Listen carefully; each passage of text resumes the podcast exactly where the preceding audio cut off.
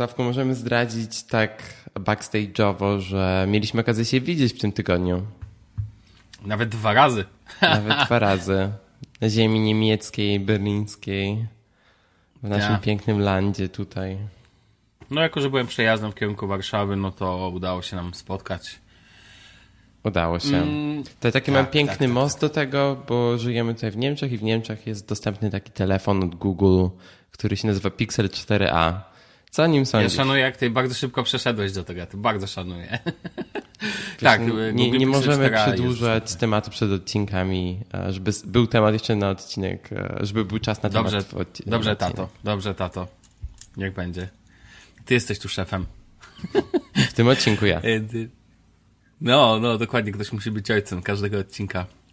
Tak, faktycznie Pixel 4a pojawił się i nie możemy przejść obojętnie obok tego wątku. To znaczy ja nie potrafię, więc tutaj nad Danielem siedziałem dusząc go i mówię, musimy, nie, będziemy o nim mówić.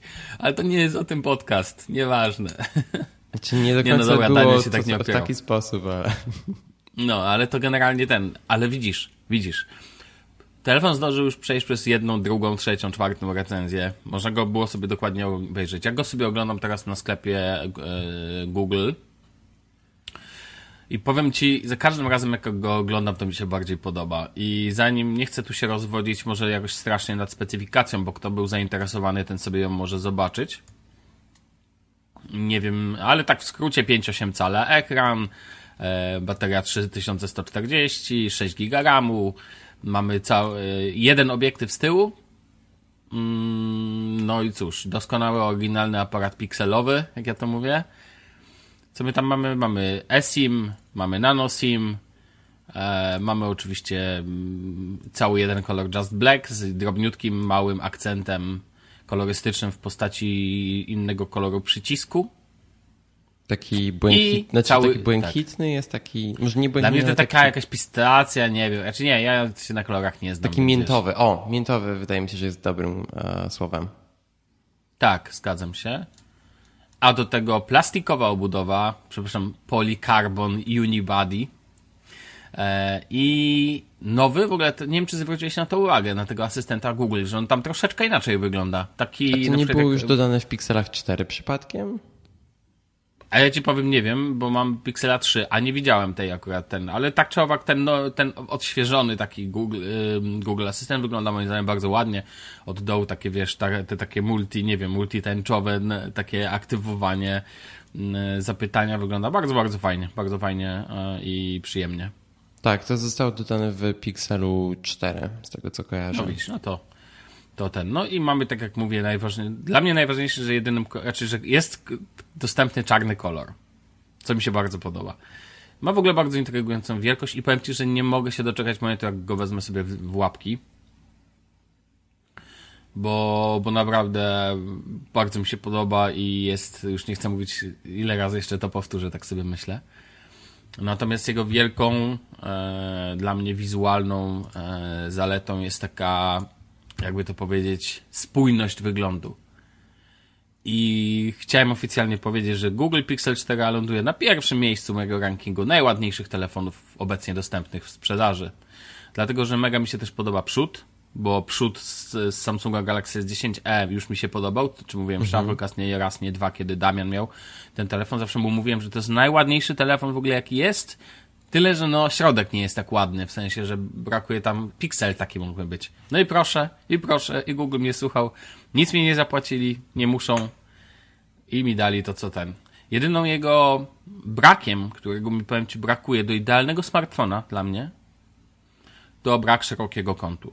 Szerokiego kąta, szerokiego kątu, bo jako, że ten telefon ma złącze... Tak, no bo telefon ma złącze słuchawkowe, jej! Więc ma złącze wow, słuchawkowe. Czy serio? No tak. O, rzeczywiście jest taki Na górze jest na górze słuchawkowe. Dziwny port na górze, nie? Ma złącze słuchawkowe, ma... E, nie ma wodoodporności. No dobra, no to też jeszcze druga rzecz, chociaż nigdy jej jeszcze nie użyłem, ale wolałbym ją mieć. To fakt. Ze względu no nawet takich... w deszczu jest praktycznie. No tak, dokładnie, w deszczu jak i tak dalej.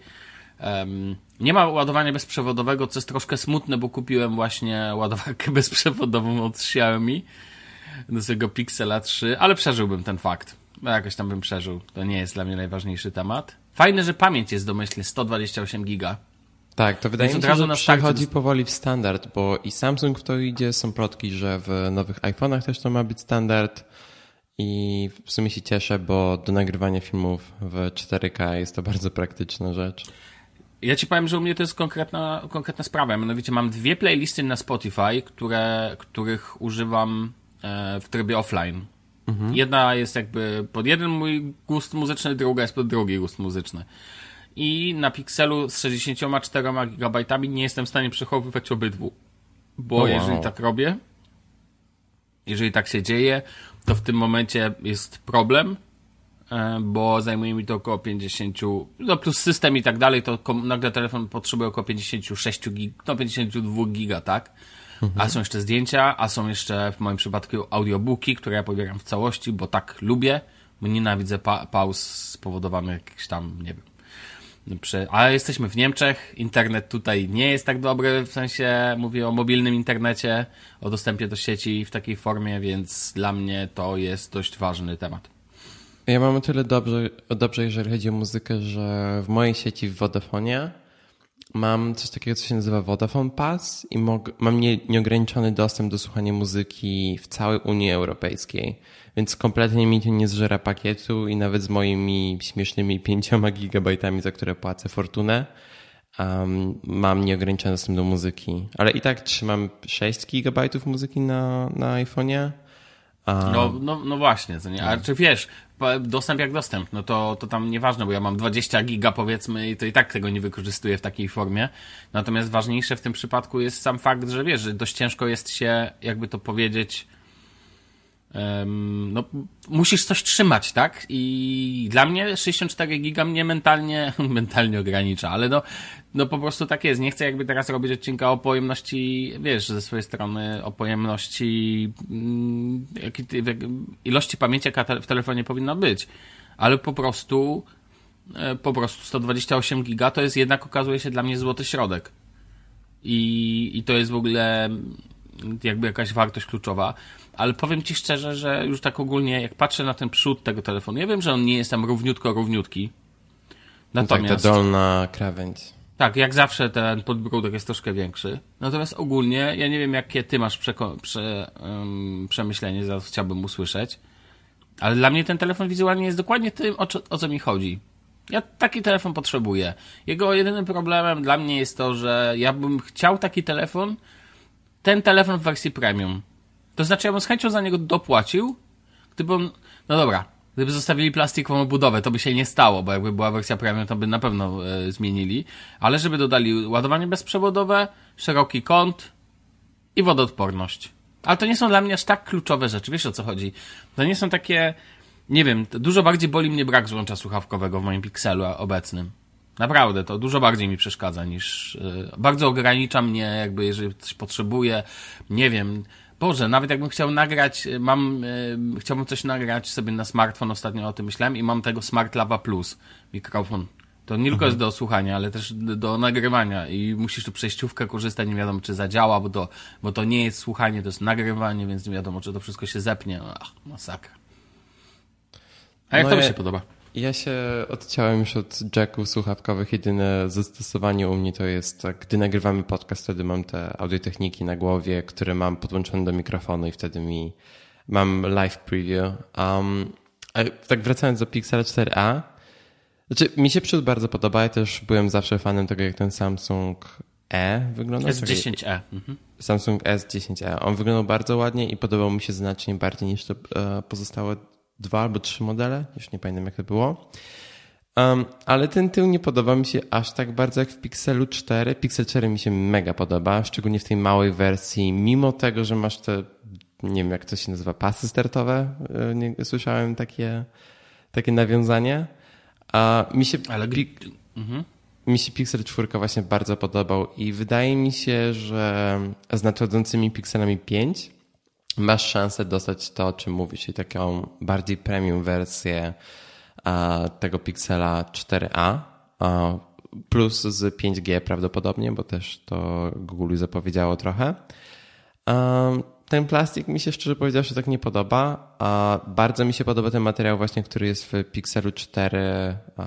Ta ramka jest chyba plastikowa, jeżeli dobrze pamiętam, ale ten tył, który jest matowy w tej białej wersji ma bardzo fajne odczucie i zawsze byłem ogromnym tego fanem.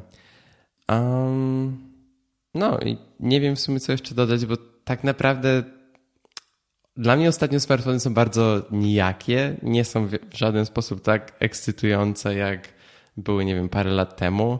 I za każdym razem jak jest premiera nowego telefonu, tak okej, okay, robi dokładnie te same rzeczy, które robi konkurencja. I oczywiście aparat jest świetny, no bo to jest Pixel, Um, szeroki Ale czekaj, ty mówisz ogólnie o, a, mówisz ogólnie o Pixelu, tak? Że jakby tutaj nie, nie ma ja mówię w ogóle o telefonach, w ogóle o telefonach. I a, o telefonach. Pixel 4a jest kolejnym tego typu telefonem. W, w bardzo dobrej cenie, więc jeżeli ktoś szuka telefonu za a, mniej niż 350 euro, no to to jest najlepsza opcja, jaka jest. Tak, ale w ogóle jeżeli ktoś szuka telefonu, który, gdzie aparat fotograficzny jest ekstremalnie ważny, a budżet jest ograniczony, to znaczy chce jak najwięcej z aparatów w jak najniższej cenie, no to to jest nie do zdarcia oferta moim zdaniem. To jakby jest nie do, to masz jedną odpowiedź teraz. Nie, tak oczywiście. W sensie, jeżeli kupujesz telefon z Androidem, to oczywiście. Um, nie wiem co dodać. Mhm.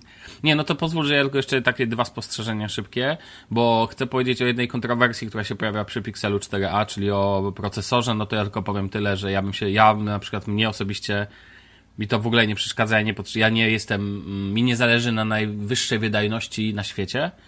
I uważam, że w tego typu telefonie, bo tutaj mamy Snapdragona 730, zawsze to lepsze niż każdy Exynos, już tak e, podśmie podśmiechujki z Samsunga i jego najnowszych prezentacji.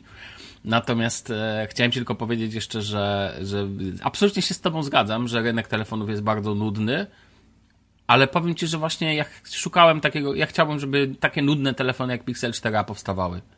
Ja bardzo bym tego chciał. Chciałbym, żeby nudne, małe telefony zaczęły powstawać, żeby producenci przestali ścigać znaczy, się na to, jak dziwne że on jest tak mały przy 5,8 cala.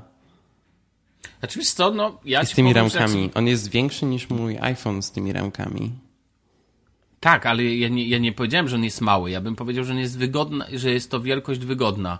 Ale widzisz, tylko że on na przykład jest mniejszy, jest mniejszy niż, e, na wysokość jest mniejszy niż Pixel 4. Jest troszkę mhm. szerszy na przykład. Jest e, mniejszy i to znacznie niż Pixel 3a, który na przykład mi osobiście wydawał się trochę za duży. A ten jest właśnie w sam raz, moim zdaniem. I co ważne, w porównaniu do Pixela 3a ma na przykład dużo większy ekran. Więc wiesz, więc moim zdaniem tutaj jest świetne zagospodarowanie przestrzeni. No ale to jest jakby ten. Ja nie porównuję tego jakby teraz do, do innych e, telefonów. W ogóle teraz, kochani, kupienie Pixela 3a no to już naprawdę jak macie napięty budżet, bo tam też dostaniecie bardzo bardzo dobrą, że tak powiem, dobry aparat, ale to jednak nie ma, no chyba, że chcecie białą wersję z jakichś przyczyn. To już bym jednak czekał na Pixela 5. W ogóle jestem bardzo ciekawy tego Pixela 5 i nie będę ukrywał, że planowałem, miałem taką opcję Samsung, no ale to da, Daniel cię ucieszę, bo wiem, że ty byś jakby uważasz, że kupowanie Samsunga jest strzelaniem sobie w, nie powiem gdzie, ale no ja raczej na pewno zostanę znaczy, z Pixelem. Ja, ja, teraz ja nie mam żadnego no. nic do dodania w tym temacie, żeby nie było. No, no dokładnie, tak. no comment, no comment. Pixel 4a albo Pixel 5 to będzie pewnie mój kolejny wybór i tyle. I zostanę sobie w tym ekosystemie, bo mi zwyczajnie odpowiada, jak wchodzę na stronę chociażby Google'a, to to po prostu patrzę na stronę i widzę, że ten wizual mi się zwyczajnie podoba. O tak, to jest też takie myślenie. Taki wiesz. Google feeling. Tak, Google feeling, dokładnie. Nawet jak się wchodzi na Google Story, to wiesz, widzisz te promki ich nie. To to jest dokładnie tak, jak ja chcę, żeby wyglądał telefon. I że tak powiem, jako że dowiaduję się ostatnio z internetów dziwnych rzeczy, więc typu nie wiem, że do iPhone'a się dorasta, to ja powiem, do Pixeli też się dorasta i tyle. No, to co, przechodzimy chyba do odcinka, co nie? Daniel, ty tu szefujesz dzisiaj. Tak, ja tego chciałem na szybko wspomnieć. Widzę, że notatek nie sprawdziłeś do odcinka. A nie, sprawdziłem, sprawdziłem. Przepraszam, oczywiście chciałem powiedzieć, no tak, jeszcze y, Mavic twój. Tak, tak, bo mi się udało recenzję wstawić na YouTube'a wczoraj? Znaczy, nie, nieważne, bo jak tego słuchacie, to nie ma żadnego znaczenia. Ale wstawiłem moją recenzję właśnie Mavica Mini na mój kanał na YouTubie. A jest to chyba mój najbardziej dopracowany film jak na razie. Um, dosyć sporo w pracy w niego włożyłem. Um, no i co? Moje ogólne wrażenia są mega pozytywne, jeżeli chodzi o drona, bo też Sławek mnie się to pytał w poprzednim odcinku. No i muszę przyznać, że jeżeli szukacie drona w tym budżecie, czyli do 400 euro w tej podstawowej wersji, czy tam do 500 w tej bardziej w tej wersji Flymore Combo, która ma dodatkowe baterie i tak dalej, to wydaje mi się, że jest to bardzo dobra opcja. Szczególnie właśnie jak nie chcecie się przejmować wymaganiami, jeżeli chodzi o licencje i tak dalej, jeżeli jesteście w krajach, czy jeżeli planujecie e, latać w krajach, gdzie jest to bardziej wymagane, jak Stany czy Kanada. Ja chcę oficjalnie tutaj zapowiedzieć, że e, Daniel spowodował swoim. Nie, nie mówiłem ci tego, więc mogę ci to powiedzieć teraz. E, że Daniel spowodował tym filmem i generalnie tym, jakby jak sobie obejrzałem go na żywo, że już wiem, że go kupię. W sensie mega mi się podoba. Naprawdę. E, mega mi się podoba jego wielkość, jego miałem e, przy, przy, okazji naszego spotkania 15 sekund, żeby z nim sobie poobcować. I, ale to mi wystarczyło. Do, nie dość, że mi się wizualnie podoba, do tego jak oglądam jakość filmów, jakie tworzy z palca. Fajnie, że wrzuciłeś te takie nieobrobione jakby materiały. Mhm. Um, do tego filmu. W ogóle świetny film, Daniel, brawo. Ja, ja uważam, że idź tą drogą, a będziesz kolejnym, wiesz, kolejnym tech dobrym, fajnym youtuberem, że tak powiem, e, w sensie takim już wyrobionym i tak dalej, bo widać progres do filmów, ale dobra, koniec za przeproszeniem lizania się, nie powiem po, nie, po, powiem, nie powiem po czym. Natomiast chciałem przejść do samego tego, że bardzo. Mm, nie, no bardzo spoko jest w ogóle ten, ten. I to, co mi powiedziałeś, czyli że jakby tutaj z tego, co wiadomo, nie ma ograniczeń prawnych co do latania takim tym, bo to jest traktowane jako zabawka, rozumiem. Dobrze tak, rozumiem? Czy, czy ten.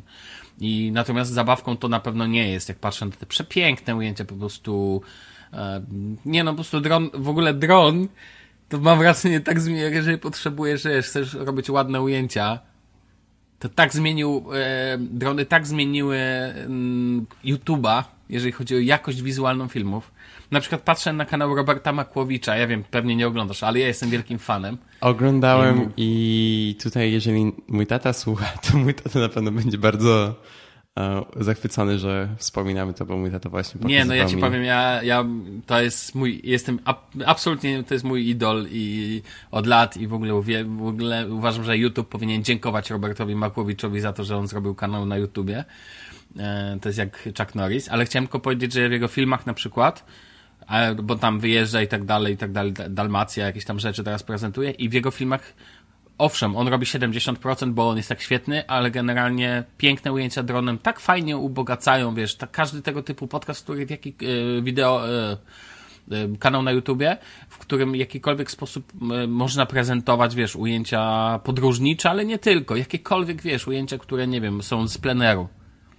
I moim zdaniem Mavic Mini w takiej formie, jak ty wrzuciłeś, nadaje się do tego świetnie, bo jest bardzo ten, bardzo prosty, z tego, co mi opowiadałeś o, o, o, tym, no to ja odniosłem takie wrażenie, bo nawet dobrze chyba, żebym ja powiedział kilka słów, bo ty, ty mówisz o tym, to jest jasne, ale ja jako odbiorca z boku, ja na przykład, no drony mi się wydawały bardziej skomplikowanym narzędziem, a jak tutaj na to spojrzałem, to powiem szczerze, luz.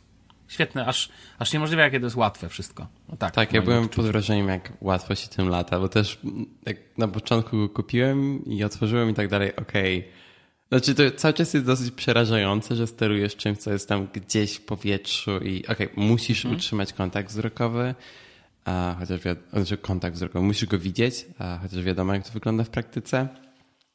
Um, no i co? I byłem właśnie mega zaskoczony, że wcale nie jest tak ciężko. A chociaż tak jak wspomniałem wideo, udało mi się już raz wlecieć e, nim w drzewo, bo też to nie jest tak jak w DJI Spark, gdzie masz sensory wokół, tylko masz dwa sensory e, na dole, które odpowiadają za lądowanie. Um, więc jest trochę łatwiej w, co, w coś wlecieć, a, ale nadal jest to dosyć prosto. Znaczy, nadal jest to coś bardzo prostego. Ja w ogóle powiem Ci y, szczerze, że też fajne jest to, że Dobra, no niestety nie skończyło się jeszcze głaskanie cię po głowie, bo generalnie fajne jest to, że dałeś te ujęcia w tym filmie związane z tym, że to nie jest tak idealnie. W sensie, mhm. że drony to nie tylko ładne ujęcia, ale ci może po prostu wpaść w drzewa albo ten i weź to szukaj, nie? To jest wbrew pozorom dość istotne, bo ja zawsze się śmieję, że taki e, backstage dotyczy to wszystkiego, nie? Mówię jakby, wiesz, też dotyczy jakieś, nie wiem, nagrywania filmów na YouTube. Takich rzeczy się nie prezentuje, co nie? Ale u ciebie, ponieważ chciałeś właśnie za, zarecenzować, no tak, to sobie człowiek przypomina, że co zrobić w takiej sytuacji. Najgorzej, jak ci wpadnie gdzieś i się nie chce, wiesz, nie chce się wydostać, co nie? No tak. W sensie nie ma jak się, zaplącza się, czy coś typu, typu. A w ogóle na przykład myślałeś o takich kwestiach, jak sieci energetyczne, jakieś, nie wiem, coś tego typu? E, tam w jednym ujęciu latałem dosyć blisko linii energetycznych, ale też, nie wiem, w odległości 100 metrów, czy coś takiego, jak latałem w, tutaj w Berlinie. I też po prostu staram się jak najdalej od tego latać, żeby nie wlecieć, bo byle jaki podmuch wiatru jest w stanie cię w nie e, wrzucić. I przez to, że e, Mavic Mini jest tak lekki, jest to dosyć łatwe do osiągnięcia, więc starałbym się nie latać w okolicach linii energetycznych. I w ogóle w okolicach najlepiej. A no, fajna rzecz jest taka, że oczywiście nikomu nie życzyłbym, żeby spadł komuś na głowę, ale to jednak jest sprzęt bardzo lekki, więc nawet jakby spadł na, nie wiem, na jakieś miejsce, które, nie wiem, wiesz o co chodzi, że jak w coś uderzy, to raczej niczego nie zniszczy, o tak. E, on mam wrażenie, że się jest, wiesz, jest raczej bezproblemowym sprzętem pod tym względem. Tak, plus jeżeli, jeżeli silniki będą zablokowane przez coś, to wtedy się automatycznie wyłączą. No to jest dla kwestii bezpieczeństwa, żeby komuś nie zrobić krzywdy. No właśnie. No dokładnie tak. No nic, ja nic ten. Czy ty masz coś do dodania w temacie? To wszystko. Zapraszam do obejrzenia wideo. Jeżeli macie jeszcze jakieś pytania, to możecie śmiało zapytać mnie na Twitterze. Dobra, to możemy zacząć odcinek. A witamy Was w siódmym, jeżeli tak, odcinek siedem podcastu Dobrych Rzeczy. A, I mówię do Was ja, Daniel Marcinkowski oraz mój co-host Sławek Agata. Sławku? Halo, cześć, dzień dobry. Halo, guten Te upalne dni. Bardzo upalne. W Berlinie mamy, słuchaj, 33 stopnie. W Kolonii mamy 36 stopni, ale u mnie w Remscheid jest dzięki Bogu ciut chłodniej, bo mam 32 i padał deszcz niedawno. Więc to tak, że tak powiem, normalnie we wszystkich wiadomościach prognoza pogody jest na końcu, u nas jest na początku. prognoza na najbliższe 3 dni, upał, upał, upał. No ja nawet nie oglądam prognoz pogody, więc nie jestem w stanie się wypowiedzieć. Ja zawsze sprawdzam po prostu na Google pogodę. Spra ja sprawdzam przez uh, Apple Watcha, Siri i, i, tego typu. Jest, jest dosyć precyzyjne swo swoją drogą. Wiesz, z pogodą nigdy nie jest za precyzyjnie ostatecznie, co nie? No, to też prawda. Dobrze, ale porozmawiamy o rzeczach, które są bardziej precyzyjne, czyli jak jesteśmy fajnie zorganizowani i jak nam wszystko się dobrze układa z naszymi zadaniami i tak dalej. A ponieważ w tym odcinku porozmawiamy o narzędziach, których używamy do produktywności, um, szeroko pojętej, ale bardziej się skupimy po prostu na organizacji pracy, czy to jakieś prywatne nasze zadania, e, czy to bardziej takie służbowe. Nie wiem, czy to jest dobry opis. No myślę, że to jest. E, raczej ja bym to opisał w ten sposób, że porozmawiamy, no bo bardzo często mówi, mówi się o narzędzi, samych narzędziach jako narzędziach do produktywności, ale tak naprawdę mało kto przedstawia swój, że tak powiem, workflow. Taki system Chcę bardziej. się z wami no, system, ok. Chcemy się z Wami podzielić tym, czego używamy i w jaki sposób w tym przypadku, co jest moim zdaniem istotniejsze. Być może ktoś znajdzie w tym jakieś swoje. Mm, jakieś inspiracje. Ja powiem Ci szczerze, że oglądam kanały na YouTube i dzięki temu znalazłem kilka ciekawych inspiracji do, e, do narzędzi właśnie do produktywności, których używam na co dzień. E, zobaczymy ten, zobaczymy jakie Ty masz, zobaczymy jakie ja mam i się spróbujemy z, że tak powiem, zderzyć to ze sobą. No a u ciebie na pewno jedną rzecz, jaką domin jako dominantę widzę y, dominacja narzędzi od Apple. To znaczy, wiesz co, nawet nie chodzi o to, że to są narzędzia od Apple, bo miałem to samo, tego, tego, tego samego typu doświadczenie, gdy używałem sprzętu od Google i jest to fakt, że po prostu staram się zostać z tymi do, domyślnymi narzędziami i u mnie wynika to z tego, że po prostu chcę mieć dostęp do wszystkich tych takich domyślnych funkcji systemu, żeby to wszystko działało tak, jak powinno działać w pierwszej kolejności, w drugiej kolejności, żeby miał dostęp do funkcji, e, które idą w związku z korzystaniem z tych domyślnych aplikacji. Czyli na przykład, jeżeli używam, okay, nie, nie używam akurat przypomnień od Apple, ale jeżeli używasz przypomnień od Apple, to możesz powiedzieć remind me to buy something in five minutes, czy coś takiego. I dostaniesz powiadomienie bezpośrednio w aplikacji Reminders, ale jeżeli chciałbyś zrobić coś takiego w aplikacji Things, to musisz za każdym razem dodawać uh, in Things uh, na końcu. To samo musisz zrobić zresztą, jak chcesz otworzyć muzykę przez aplikację inną niż Apple Music. Um, znaczy, oczywiście nie ma wyboru domyślnych aplikacji na urządzeniach od Apple. Mhm. Znaczy, dobra, na urządzeniach z iOS, bo na, na urządzeniach z macOS jest. Um, ale nie jest to dla mnie jakiś wielki, wielki problem, jeżeli chodzi o aplikacje, które używam do zarządzania zadaniami. Ale tak czy siak właśnie do tych in, praktycznie do wszystkiego innego używam domyślnych narzędzi. Um, czyli na przykład mój klient pocztowy to Apple Mail, którego używam głównie do prywatnych kont i moim głównym kontem też jest swoją drogą konto na iCloudzie, który działa dla mnie o dziwo naprawdę dobrze. Nigdy nie miałem problemu właśnie z czy to z filtrem antyspamowym, czy z nieotrzymywaniem wiadomości i tak dalej. Plus też pod względem prywatności jest to dużo lepsze rozwiązanie niż korzystanie z Gmaila. No i oczywiście nie ma reklam co swoją drogą jest dla mnie e, ciekawą rzeczą, że w Gmailu są reklamy. A... Nie, nie spotkałem się jeszcze z reklamami w Gmailu. Serio? No, serio. A to ciekawe, bo ja widzę i po znajomych, i po mojej dziewczynie, że tak, takowa usługa, że tak powiem, istnieje. To ja nie widzę, to nie wiem, ja nie widziałem w każdym razie, ale okej. Okay. A w jakiej formie to jest, przepraszam? To jest jako element, jako mm, element po prostu wizualny panelu głównego, czy jak? Czy jako co czwarty e-mail to jest reklama? To, to wygląda jak wiadomość, ale jest na samej górze i ma po prostu taką małą ikonę ad. A, to ja nie... To dobre, nigdy nie widziałem tego. Okej. Okay. Może polskie konta tego nie mają. No, ale ja mam wszystko po angielsku ustawione. Nawet lokalizację. Ale, chodzi mi, że polskie konta że konta okay, założone w Polsce, czy coś takiego. Okej, okay, być może. Wiesz co, ja też tego nie mam, ale ja mam zawsze inbox zero, więc e, nie wiem na czym to polega.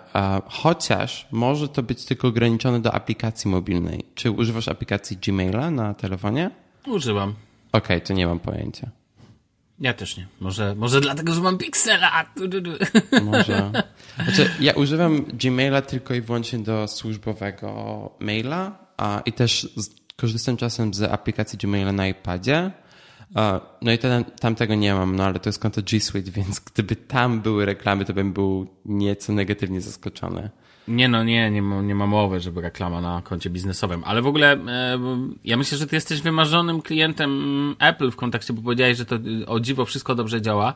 No musi dobrze działać, bo właśnie ty jesteś taki jakby, że nie, od, nie chcesz odchodzić od narzędzi natywnych, więc dzięki temu jakby pod ciebie do, dokładnie taki klient idealny, czyli robiący właśnie wszystko pod jednym ekosystemem.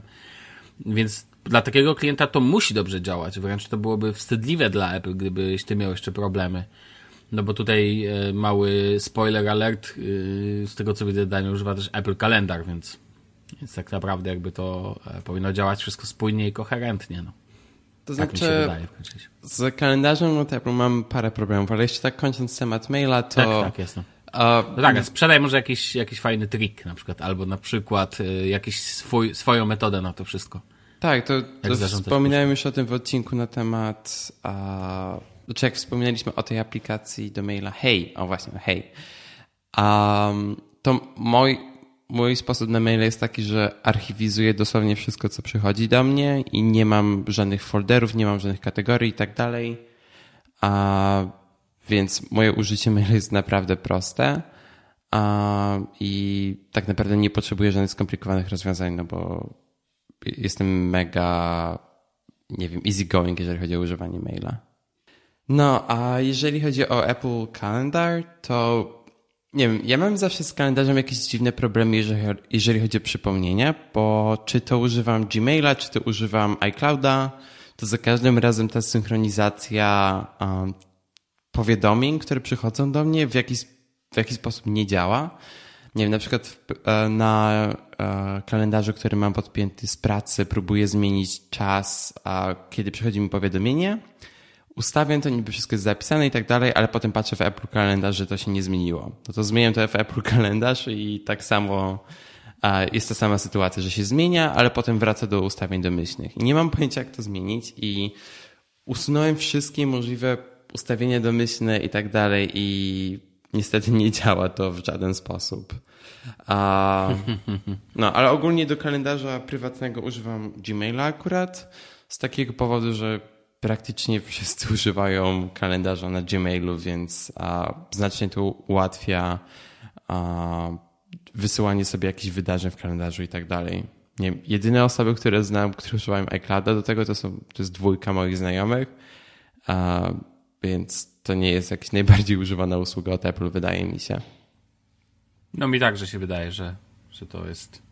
Chociaż co ja tam wiem o usługach Apple, więc wiesz, nie będę się tu chwalił, że coś ten... No Ale dobrze. Wiesz, to jest jedna bardzo fajna ten... funkcja w kalendarzu od Apple, której mi mega brakuje w Gmail, w kalendarzu od Google i dlatego używam klienta od Apple, jeżeli chodzi o kalendarz. I jest to o, funkcja, która pozwala ci o, określić, ile zajmie ci dotarcie do miejsca, w którym jest wydarzenie. I jest to o tyle fajne, że w Berlinie dzięki temu, że mamy mapy transportu publicznego w Apple Maps, to mogę też to zrobić dla transportu publicznego. I wtedy automatycznie mi zaznacza w kalendarzu jakby podróż do tego miejsca. Okej, okay, to fajnie. Mhm. A chociaż ja wiesz, ty, ty, używasz bardzo kalendarza na takiej prowersji, ja tak nie wchodzę w niego głęboko, aż ja znowu co innego, co innego jest dla mnie ważne w kalendarzu Google, ale o tym powiem przy swojej, przy swojej części. Jasne. Natomiast ten, natomiast, yy, natomiast no, przy takim pro użyciu, a mogę wam zdradzić, drodzy słuchacze, że Daniel dba o to, że jeżeli mamy jakieś spotkanie, to zawsze się to wszystko ładnie opisane będzie w kalendarzu i tak dalej, co ja bardzo szanuję. No dzięki temu ja nie muszę jakby w ogóle o tym myśleć.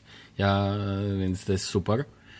No to raczej e, wynika po prostu z moich przyzwyczajeń z pracy, bo tak, tak, tak, każdy tak, startup w Berlinie, czy w ogóle kalendarz to świętość. Tak, tylko że niestety czas jest, wiesz jak jest z czasem, nie? Że zaplanujesz godzinę, wyjdą dwie. Więc wiesz. A, no, ja staram się tego unikać. Z wielu powodów, a, ale właśnie staram się tego unikać. No, a jeż, a e, kolejna aplikacja od Apple, której używam, i to jest tak naprawdę ostatnia aplikacja tutaj na liście, a to jest po prostu Apple Notes. A próbowałem paru różnych aplikacji do notatek, na przykład a, Bear, ale za każdym razem wracałem do notatek od Apple, bo są bardzo proste do użycia, nigdy nie miałem z nimi problemów, jeżeli chodzi o synchronizację i tak dalej, a plus jest też opcja dzielenia się notatkami, z której na przykład używałem gdy tworzyliśmy z Maćkiem Buchertem skonfigurowanych. No i plus mogę sobie rysować rzeczy na iPadzie też. Działa naprawdę dobrze. I mogę sobie dzielić rzeczy na foldery i tak dalej. Jedyne, czego mi brakuje, to jest Markdown i tak dlatego właśnie próbowałem różnych alternatyw typu Bear, typu Simple Note. Um, no ale za każdym razem po prostu wracałem do tych notatek od Apple i wydaje mi się, że, wydaje mi się, że są w miarę do, dobrą opcją dla większości ludzi. Ciekawe, że nasze narzędzie do zarządzania podcastem wspiera Markdown. Tak, było, tak, tak, tak, tak. E, w sensie to jest pla miłe. Platforma do publikacji, którą używamy, to jest Podiant i tak. ona wspiera Markdowna. Znaczy wiesz, e, ja używam na przykład a, moją aplikacją do pisania jest a, AirWriter, a no i to jest aplikacja do Mark, gdzie głównym językiem, znaczy językiem, główną metodą formatowania jest Markdown. Wiele różnych aplikacji ma wsparcie dla tego syntaksu markdownowego, czy to na przykład Telegram, czy e, Slack, którego używam w pracy. W mniejszej lub większej formie jest jakoś ten markdown w tego typu narzędziach wspieranych. Nawet Todoist w jakiejś tam formie wspiera podstawowe założenia. Tak, że tam po, pogrubianie, e, kursywa tak, tak, i tak, tak dalej. Tak. Listy i tak dalej. Mhm. Tak. To prawda. No, a... No niestety, ale co śmieszne, że wiele popularnych, popularnych, głównych aplikacji do, do zarządzania do zarządzania notatkami, czy teoretycznie idealnie po to nie ma tego wsparcia. To jest w ogóle mnie zawsze szokuje, ale znaczy, wiesz, to nie tylko Apple Notes tutaj bo to leży. jest taki... Bo Evernote to kultowe wręcz. Tak, bo wydaje mi się, że to jest taki jednak power user feature. Znaczy, okej, okay, wydaje mi się, że Evernote powinien to wspierać, chociaż Oj, zdecydowanie. Chociaż może Evernote jest zbyt masowym narzędziem, w sensie jest zbyt. ma bardzo wiele użytkowników, którzy są takimi casualowymi userami, nazwijmy to w taki sposób. I to jest typ użytkowników, wydaje mi się, na którym Evernote się dosyć mocno skupia, tak samo OneNote. No, ale ja ci powiem, że Ever... A, przejdziemy do tego jeszcze, ale Evernote mógłby to dać jeszcze w wersji... Przecież nie uwielbiałem zarabiać na podziale w wersji premium i tak dalej. Daliby to w wersji premium i uwierzcie mi, że jeszcze by sobie yy, powiększyli bazę takich właśnie użytkowników, tych bardziej, dla których to jest, wiesz, na pewno jest jakiś tam promil użytkowników, dla których jest to ważne. Cyk, dodajesz taką funkcję, cyk, zbierasz hajsik. Moim zdaniem to byłoby do ten. Jest na Maca no, taka aplikacja, która się nazywa Alternote, czy coś takiego? Wiem, że są w ogóle takie mody Evernote'a, które pozwalają przerzucać to później, wiesz, do Evernote'a, a zapisujesz w oryginale w Markdownie. Wiem, że tak, tego typu rzeczy są, ale dla mnie akurat Markdown na przykład nie jest aż tak ważny. Tak, znaczy to jest coś, do czego się przyzwyczajasz, ale właśnie do Evernote'a jest Alternote, chociaż nie wiem, czy dostaje jeszcze jakieś aktualizacje, bo mają zrzuty ekranu z macOS El Capitan, więc może nie jest wspierany. Wow. Oryginalnie. No dobra, ale pójdźmy dalej e, z kwestią, chyba, że chcesz coś... E, a nie, to przy Notes zostańmy, bo widzę, że tu masz taką uwagę. A, tak, to znaczy ja robię sobie takie notatki cotygodniowe, w których podsumowuję sobie tydzień a, i oparłem to na jakimś temacie, który znalazłem w a, na Medium chyba, jeżeli dobrze pamiętam. Po prostu sobie rozpisuję, a, jakby oczyszczam sobie rzeczy typu inbox w, właśnie w moich klientach mailowych, czy w Apple Mail, w Gmailu, w pracy. Czyszczę sobie jakieś zbędne, aplika- e, zbędne pliki, jeżeli chodzi o to, co mam na pulpicie i w pobranych, bo tam z reguły mi się pliki gromadzą. Um, I przechodzę sobie przez tego typu inboxy, jak na przykład mam w Reader, czyli w moim kliencie RSS, w Instapaper i w, na YouTubie, w tych do obejrzenia później filmach. I w takich bullet pointach rozpisuję sobie jakieś e, takie kluczowe wydarzenia w ciągu tygodnia i jakieś nowe rzeczy, których się nauczyłem i tak dalej. I wydaje mi się, że to jest coś, o czym często się zapomina w tych wszystkich systemach produktywności, żeby jakoś podsumowywać sobie to i wyciągać z tego jakieś wnioski, które się później mogą przydać w, no, w planowaniu jakichś kolejnych e, zadań czy kroków. A mam pytanie, bo w kontekście tych dwóch rzeczy i workflow w sumie to przeszliśmy bardzo płynnie, a chciałem Cię zapytać, no bo masz tak, że no, chociażby mówisz o podsumowaniu, a blokujesz na to czas w kalendarzu, to znaczy, czy twój kalendarz prywatny składa się z takich blokowanych, czy blokujesz w ogóle tego typu zadania domowe? Nie mówię już o takich konkretnych wydarzeniach typu, że o 15 idziesz do lekarza, bo to oczywiste, ale pytam, czy sobie na przykład blokujesz a no, czy też masz na to stałą godzinę i i tak to blokujesz, czyli w kalendarzu wpisujesz od 12 do 14, niedziela, nie wiem, podsumowanie tygodnia.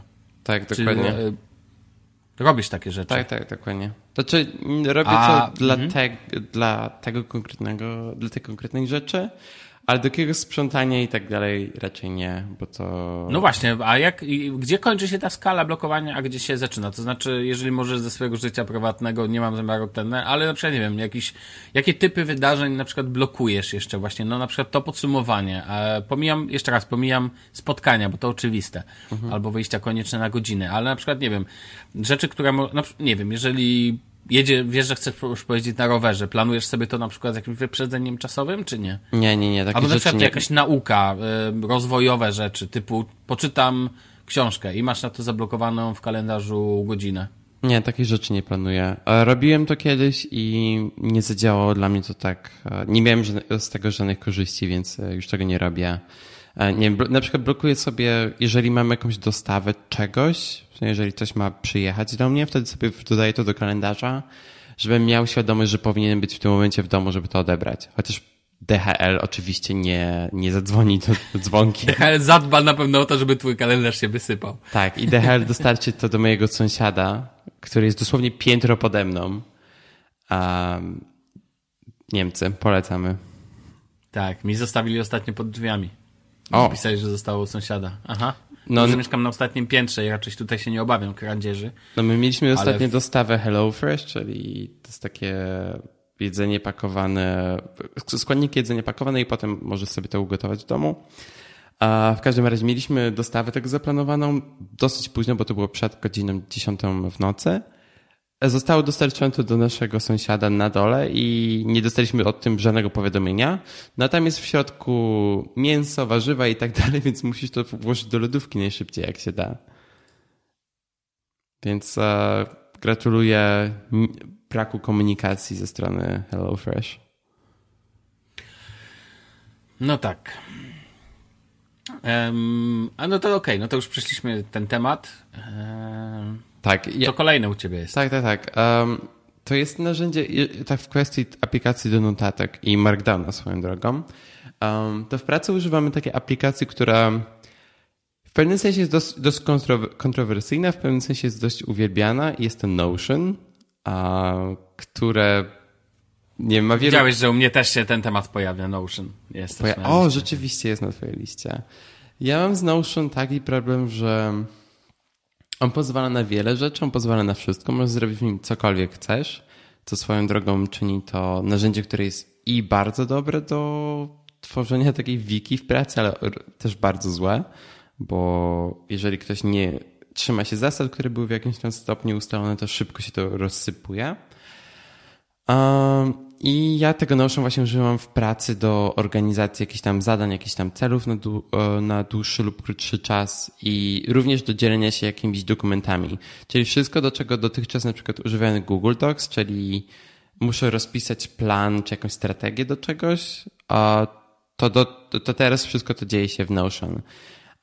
I to jest coś, co mi się podoba w tej aplikacji, że dzielenie się tego typu rzeczami jest bardzo proste i to jest trochę tak, jakbym pracował w Apple Notes tyle, że mam opcję właśnie robienia bardziej interaktywnych typów notatek i bardzo mi się podoba, jak mogę sobie to zorganizować. Ale jeszcze raz wydaje mi się, że jeżeli jest to narzędzie, które jest używane w pracy, to jednak musi być ktoś w pracy, kto ustala standardy tego, jak jest to narzędzie używane, um, jakie są ograniczenia. Bo e, wcześniej korzystaliśmy z innego narzędzia, niestety nie pamiętam jego nazwy który nakłada na użytkownika ograniczenia w postaci tego, jak mogą organizować to, co się tam wrzuca. I Notion tego nie ma. Notion jest bez jakichkolwiek ograniczeń, można zrobić tam praktycznie cokolwiek się chce. I wydaje mi się, że to jest i plus i minus tego narzędzia. Ja mam problem z Notion, już nawet nie będę tego odkładał na moją część, bo u siebie powiem koło Workflow'le Natomiast mam taki problem z Notion, a podchodziłem do niego, ło, ile razy ja do niego podszedłem, to jest... No bo wszyscy nim się tak, och matko, och Jezu, fap, fap, fap na sieci jest dosłownie na temat Notion. Natomiast ja mam z nim, e, poza dwoma czy innymi trzema e, problemami, to głównym moim problemem jest kolosalnie e, mm, łatwo, to jest chyba to, co też powiedziałeś tak naprawdę, łatwo wpaść tam w taki totalny chaos. Mhm. Mianowicie po lewej stronie zarządzanie tymi notatkami i tak dalej, u mnie jest za duża, jak, mm, jakby to powiedzieć, jest za dużo opcji tam układania tych rzeczy i wpraw, wcale tak nie jest łatwo później je tam wszystkie poznajdować. Jak je zagnieździsz w zagnieżdżeniu, w zagnieżdżeniu, bo raz sobie tak myślałeś, później wracasz do tego i używasz wyszukiwarki. Która jest bardzo wolna. Dobrze. Ta wyszukiwarka jest tak, tak wolna. Tak, ale działa dokładnie po, powoli i na przykład do Evernote'owej to w ogóle się chowa aż nie wierzę, że to mówię, bo Evernote jest znowu narzędziem, które mu nadaje, należy się tyle lania po plerach i tyle lania po tyłku, a jednocześnie jest kilka miejsc, których Evernote niszczy po prostu Notiona, tak wiesz, z miejsca, bum, bum, bum, bum. I Notion pozwala na bardzo fajny, rozbudowany system. Ja bym się w ogóle bał używać. Jest świetny to, co powiedziałeś, bo bałbym się używać Notiona w takiej pracy, w ujęciu wiki i tak dalej, i tak dalej. Dlatego, że Notion wymaga, to co powiedziałeś, też organizatora, moderatora treści, ponieważ, a szczególnie struktury treści, ponieważ tam łatwo, tak łatwo wpaść jakiś chaos, do tego to, że sama notatka pozwala na tak wiele funkcji, chociaż tu muszę przyznać, że ten slash, którym się jakby wyciąga funkcję, bo żeby jakby umieścić na przykład jakiś blok tekstu, czy blok, nie wiem, e, listę numerowaną i tak dalej, najpierw musicie wskazać slashem E, jakby w tekście to naj, najszybciej tak się robi. Następnie ci pokazuje e, automatycznie listę dostępnych funkcji. I naprawdę, co tam można dodać, co nie? Albo jak rozbudowane można stworzyć notatki, to jest, to jest kolos. Ale czasami, czasami to działa na minus tego narzędzia. Chociaż ja uważam, że to tak dobrze generalnie, no bo nie było takiego narzędzia, które aż na tak wiele pozwala. Mój główny zarzut do Notion jest zupełnie gdzie indziej, ale ja to powiem w swojej, że tak powiem, ja będę wymieniał, to się odniesiesz może wtedy do tego. Jasne. No, to tak o Notion. No, więc e, ja do prywatnych rzeczy Notion nie używam tak, e, tak samo. Dlatego używam Apple Notes, bo wiem na co mi pozwalają, wiem jakie ma, doskonale wiem jakie ma ograniczenia i dla mnie to jest ok bo doskonale wiem, do czego mogę tego użyć, a w Notion jest tak, no w sumie mogę dodać to, mogę dodać jeszcze tamto, a to zrobię sobie tak, żeby to wyglądało zupełnie inaczej. I nie, szczerze nie chce mi się tracić na to czasu i wydaje mi się, że po latach próbowania wielu różnych narzędzi do produktywności w końcu się do, dorasta do, dorasta się do momentu, kiedy się rozumie doskonale, czego się potrzebuje i nie, nie potrzeba więcej tak naprawdę na pewnym etapie. I to jest swoją drogą e, coś, co dla mnie jest mega ważne w ostatnim narzędziu, o którym wspomnę, ale zanim to, to jeszcze chciałem powiedzieć, kończąc temat notatek, o aplikacji MindNote, której używam do tworzenia map myśli i muszę przyznać, że to jest pierwsza tego typu aplikacja, której używam i mam bardzo małą liczbę rzeczy, do których używam tych map myśli, ale jeżeli do tego używam, to jestem zawsze mega zachwycony, jak łatwo jest mi to zrobić i jak łatwo mogę komuś wytłumaczyć, jaki mam pomysł. I na przykład próbowałem rozpisać plan na sprzęt techniczny u nas w biurze, który służyłby do nagrywania eventów, które organizujemy i też po prostu do mik e, mikrofony, żeby ludzie mogli mówić, na, e, no, żeby po prostu można było tworzyć eventy w naszej przestrzeni i tak dalej. Chociaż teraz oczywiście wiadomo, że to nie wypali, no ale w każdym razie pracę włożyłem, zrobiłem mapę myśli i tak dalej. I łatwość, w jakim, jaką mogę zakomunikować, co chcę przedstawić, właśnie używając tych map myśli i jak łatwo się to tworzy w MindNote, jest na bardzo wysokim poziomie. Jest to jedna chyba z moich ulubionych aplikacji na iPada. Na Macu też się w miarę okej okay z niej korzysta. Okej. Okay. Korzystasz z jakiejś aplikacji do map myśli? Używałem przez wiele lat FreeMinda. To jest aplikacją absolutnie open source. Um, używałem, lubiłem, ale teraz teraz powiem Ci szczerze, nie używam. Um, nawet nie wiem do końca dlaczego. Pewnie dlatego, że, e, że nie mam map myśli. No bo tak naprawdę mapy myśli są narzędziem do nieliniowego zarządzania własnym, własnym planem i tak dalej. Dzięki temu możesz to roz, rozbijać i tak dalej. Powiem Ci szczerze, pewnie ten, pewnie jak będzie taka okazja, to jeszcze będę się nad tym, mm, jeżeli będę czuł potrzebę, to pewnie do tego wrócę, bo używałem przez wiele lat Reminda ale jak dzisiaj sobie na to patrzę, to jestem w stanie to wszystko rozpisać w aplikacji do notatek. Tak, to jest, to u mnie jest dosyć bardzo podobnie. Ja używam tylko do bardzo konkretnych rzeczy, w których miał, miałbym problem z rozpisaniem tego w Apple Notes na przykład. A ja ci powiem, że to też ważne, że jest tylko jedna aplikacja do notatek. No dobra, Notion pewnie też by to ogarnęło, ale o tym powiem, e, albo powiem od razu którą jestem w stanie rozpisać to mniej więcej w tak bardzo nieliniowy sposób. I tą aplikacją jest Microsoftowy no, OneNote, którego najważniejszą cechą moim zdaniem jest totalna nieliniowość. Ale o tym powiem i jeszcze wrócę do tego. Dobrze. To moją ostatnią aplikacją, która jest cen, moim centrum zarządzania... Creme de la creme. Tak, creme de la creme, moje centrum zarządzania wszechświatem. Jest Sphinx, o którym wspominałem już parę razy mniej lub więcej. Jest to aplikacja, która jest tak dobrym podsumowaniem mojego poszukiwania najlep- e, jakichkolwiek aplikacji do produktywności, ponieważ jest to dosyć prosta aplikacja. Jest to trochę, jest, bardziej, jest zdecydowanie bardziej zaawansowana niż na przykład Reminders od Apple. A na przykład pod kątem tego, jak można ustawić przypomnienia, czy powtarzanie się wydarzeń, chociaż powtarzanie się wydarzeń nie jest idealne, ale to temat e, poboczny, że tak powiem. Um, no, ale właśnie... Czy twoim zdaniem jest bardziej rozbudowana niż Todoist? Nie, raczej nie. Znaczy, wydaje mi się, że pozwala większości na te same rzeczy. Interfejs jest inny, bo tutaj na przykład nie możesz wprowadzać czasu, na znaczy kiedy chcesz zrobić to wydarzenie i powtarzanie się wpisując po prostu słowami, czyli nie możesz napisać every Monday at 5 p.m. Tak, takie coś niestety w Thingsach nie działa i to jest coś, czego mi z Todoista brakuje, ale poza tym działa to w moim odczuciu bardzo dobrze. I Thingsy nakładają na użytkownika pewne ograniczenia, które jak dla mnie są bardzo dobre i idą w duchu Getting Things Done, że tak to powiem.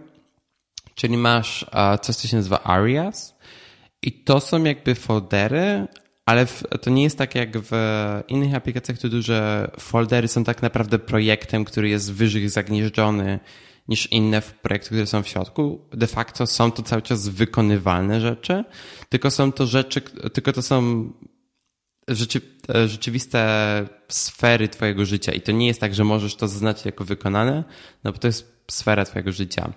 I w tych sferach możesz mieć projekty, które są rzeczami wykonalnymi i to jest tak, jak ja ich używam. Czyli u mnie każdy projekt, który mam w Thingsach jest rzeczą, którą mogę zaznaczyć, że to, że to jest wykonane. Czyli na przykład mam area, który się nazywa podcast i w środku tego mam odcinek siódmy dobrych rzeczy i kiedy ten projekt zostanie zakończony, to mogę zaznaczyć to jako wykonane. Um, no, i e, używam również tagów, um, również dosyć w duchu GTD, to znaczy mam na przykład tagi when, where i who. I to są główne kategorie tych tagów i potem zagnieżdżone w środku tych tagów mam inne, czyli when mam morning, afternoon i evening, chociaż co ciekawe i co jest swoją, swoją drogą jeden z moich ulubionych funkcji w Thingsach, to jest to, że jeżeli, bo masz zadania, które masz do wykonania, wykonania na dzisiaj, ale możesz je też przesunąć do wykonania w, e, wieczorem. E, czyli jak wcisniesz when, a masz opcję this evening i wtedy w zakładce today masz podzielony na dzisiaj i na dzisiaj, ale wieczorem. I to jest bardzo fajne, jeżeli chcesz sobie rozgraniczyć na przykład zadanie na, do pracy i zadania po pracy. Um, no i tak naprawdę to jest tyle, co można powiedzieć o Thingsach. Jest to naprawdę prosta aplikacja, ale bardzo mi się dobrze z niej korzysta. Jest bardzo łatwo do nauczenia się i jeżeli szukacie czegoś, co nie ma abonamentu, co jest w jednorazowej płatności, jest dosyć proste, ale też ma trochę więcej e, funkcji niż przypomnienia od Apple. Wydaje mi się, że jest to bardzo dobra opcja. Warto powiedzieć, że tak jak powiedziałeś, dalej jest to opcja płatna. Mhm. Jest płatna, jest dosyć droga, bo aplikacja... Droga jest do tego. Tak, znaczy zależy na jakich urządzeniach się używa, bo na Maca jest ona za 40 euro, jeżeli dobrze pamiętam. Na iPada jest za 20 i na iPhone'a jest za 10. Więc, uh, znaczy wydaje mi się, że to jest fair pod takim względem, że jeżeli nie używa, nie macie tych wszystkich urządzeń i tak dalej, no to płacicie tyle, ile chcecie zapłacić. Um, no, jedyny minus jest taki, że oczywiście jest to narzędzie tylko na urządzenia od Apple, ale jest opcja wysyłania zadań przez maila, więc jeżeli na przykład macie komputer do pracy z Windowsem, ale chcecie dodać zadanie używając komputera z Windows, zadanie do Thingsów, to jest taka opcja. Ja mam w ogóle. Mm, no to dobra, jeszcze mam jedno pytanie. Mm, tam, bo widzę okienka typu kalendarzowego i tak dalej to Things też ma tą e, filozofię działania czasem, to znaczy, jakby to wyjaśnić, że zadanie przypisu, możesz na przykład mu napisać, że jest to zadanie do wykonania pojutrze, tak? Niby oczywista rzecz, pytam, to by się może wydawać, mhm. ale dobrze rozumiem, że możesz przypisać czas. No tak. Z, z okay, taką, bo że... ja w ogóle uważam, że aplikacje, y, aplikacje tego typu opierające się na czasie, czy znaczy w ogóle nie znoszę tego opierania na czasie zadań, i o tym pamiętam, mówił jeden z kohostów Cortexu, że dla niego to też jest bez sensu, ale ja do tego mhm. przejdę przy swoim. Tak, to jest e, dlatego on chyba chodzi o. Się... E, jasne, jasne. Nie wiem, czy wie, pewnie już wiesz, do czego będę piła. Jak nie, no to, to, to się do tego, że tak powiem, przypnę za momencik. E, co do Thingsów w ogóle muszę powiedzieć, że mi się wizualnie bardzo podobają i podobały i bardzo, jest to bardzo ładna aplikacja, o tak, bo o tym nie mówimy w ogóle, a wbrew pozorom to ma znaczenie, bo na przykład Notion, Notion na przykład mi się nie podoba osobiście, ale Evernote też mi się nie podoba, więc wiesz, więc...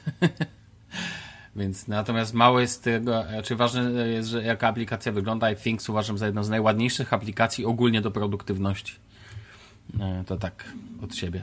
Chociaż jej nie używam, ale wizualnie nie przekonuje. Tak, to się zgadzam. Plus jeżeli chodzi o to zarządzanie czasem w Thingsach, to to jest o tyle fajne, czego nie znalazłem w wielu innych aplikacjach, to jest to, że nie tylko ustawiasz, kiedy wydarzenie ma się pojawić u ciebie w jakby w liście today, ale również możesz ustawić deadline.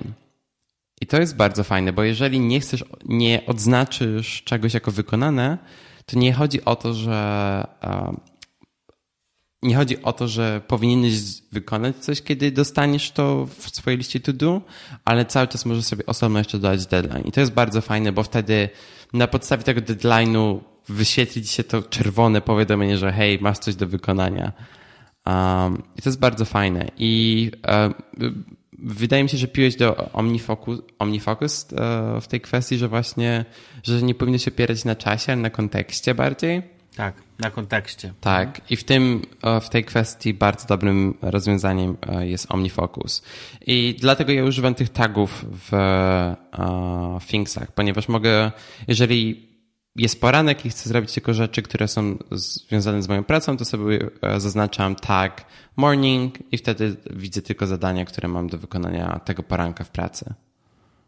Ja w ogóle uważam, że to jest taka głębsza rozmowa o GTD, ale kto czytał książkę Davida Allena, ten wie, że czas nie jest najważniejszy, znaczy jest bardzo ważnym kluczem, ale to nie jest tak, że jest, jest to pojęcie kalendarzowe czasu. Mianowicie w GTD mamy dzisiaj, mamy niedługo i mamy w przyszłości, a nie dzisiaj, czwartek, e, nie wiem, e, za miesiąc w poniedziałek i tak dalej. To jakby to się w ogóle, to jest kalendarz, a nie, a nie, mm, a nie zarządzanie ten. Ja w ogóle to mam, ale to zaraz się rozpowiem, bo po prostu to mnie zawsze boli w kwestii tego, jak budowane, jak budowane są filozofie głównych aplikacji do zarządzania zadaniami i to w moim przypadku się niestety odbija. Właściwie mogę do tego przejść, bo chyba ty już zakończyłaś. Czy coś, tak, tylko coś chciałem jeszcze dodać inną mhm. rzecz w kwestii Thingsów, właśnie nawiązując do tego, co nie powiedziałeś, że w Thingsach może zaznaczyć coś jako nadchodzące, jako do wykonania na dzisiaj, jako do wykonania kiedykolwiek w przyszłości, jeżeli nie dodałeś żadnego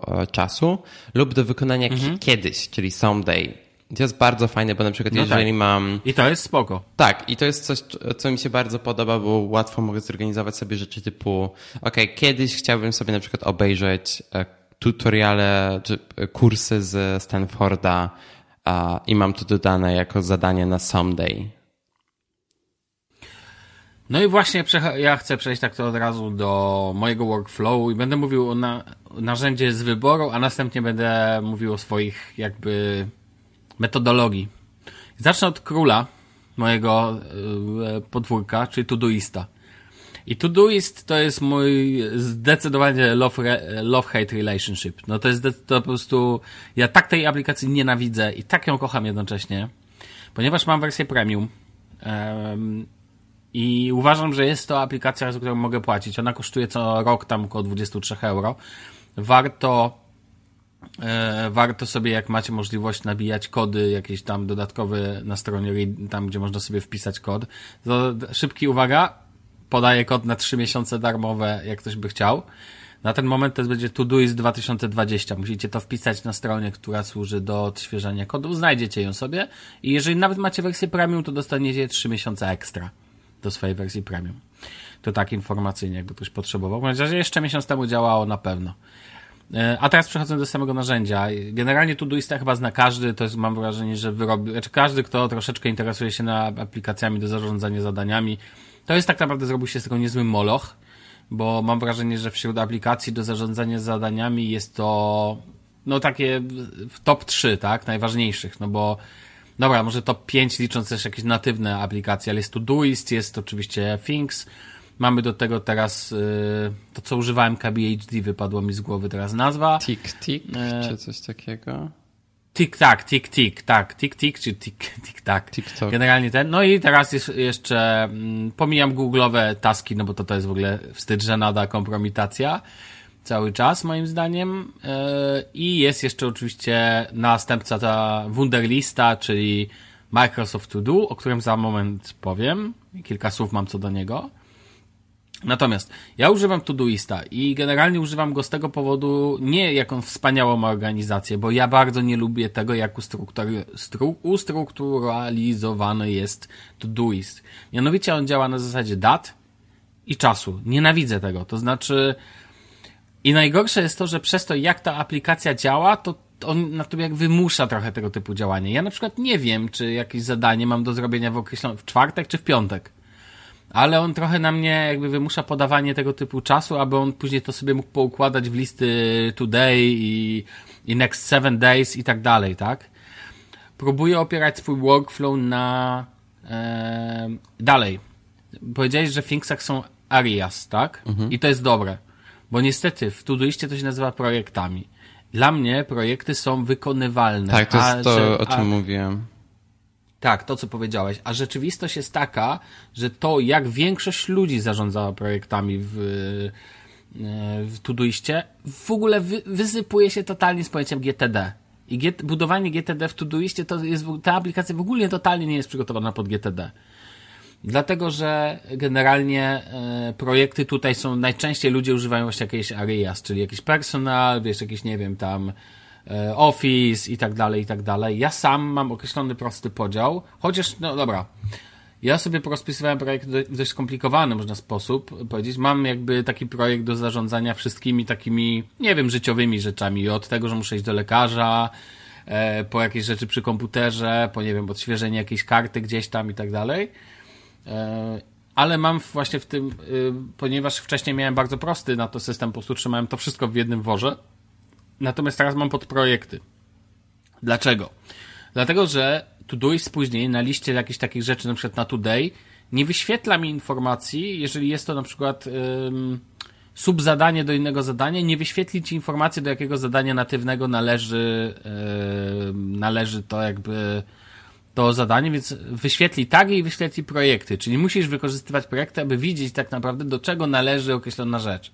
Dlatego ja sobie porobiłem podzadania typu finanse osobiste, rzeczy do komputera, nie wiem, yy, jakieś, jeżeli mam, wyjeżdżam na przykład do Polski, to sobie robię wtedy projekt tymczasowy wyjazd do Polski na przykład, tak? Żeby później jak wpiszę zadanie kupić bilet, i zobaczyć później na liście, i patrzę na liście i mam zadanie kupić bilet. Na przykład on jest, jakbym go nie przerzucił do jakiegoś konkretnego miejsca, na przykład wrzuciłbym go do osobiste. Ja nawet, jeżeli, wiesz, nie pamiętam do końca o jaki bilet chodziło, oczywiście teoretycznie przy wyjeździe do Polski to jest jasne, ale może na koncert chciałem też iść, co nie? I później myślę, jaki, jaki bilet? A jeżeli wy, dodam to do projektu wyjazd do PL, to wtedy wiem, aha, chodziło o to, żeby kupić bilet do wyjazdu do Polski. No bo, wiesz, bo później nie skaczę po projektach i nie wyszukuję później, ok, to w tym mam to, w tym mam tamto, tylko patrzę po prostu po tych datach, tak, po today i tak dalej. W Todoistie są też priorytety. I ja już powiem Ci, że czasami totalnie nie wiem, do czego tego używać, bo mogę to używać właśnie do podpinania swoistego, że rzeczy teraz na teraz, takich ważnych do ogarnięcia. Mhm. Niby tak to powinno się robić. No ale do tego też mam, zacząłem używać tagów, bo, bo to jest najczytelniejsze. Tam można stworzyć sobie trochę strukturę, taką strukturę GTD typu someday, dodać tag, wiesz, i tak dalej.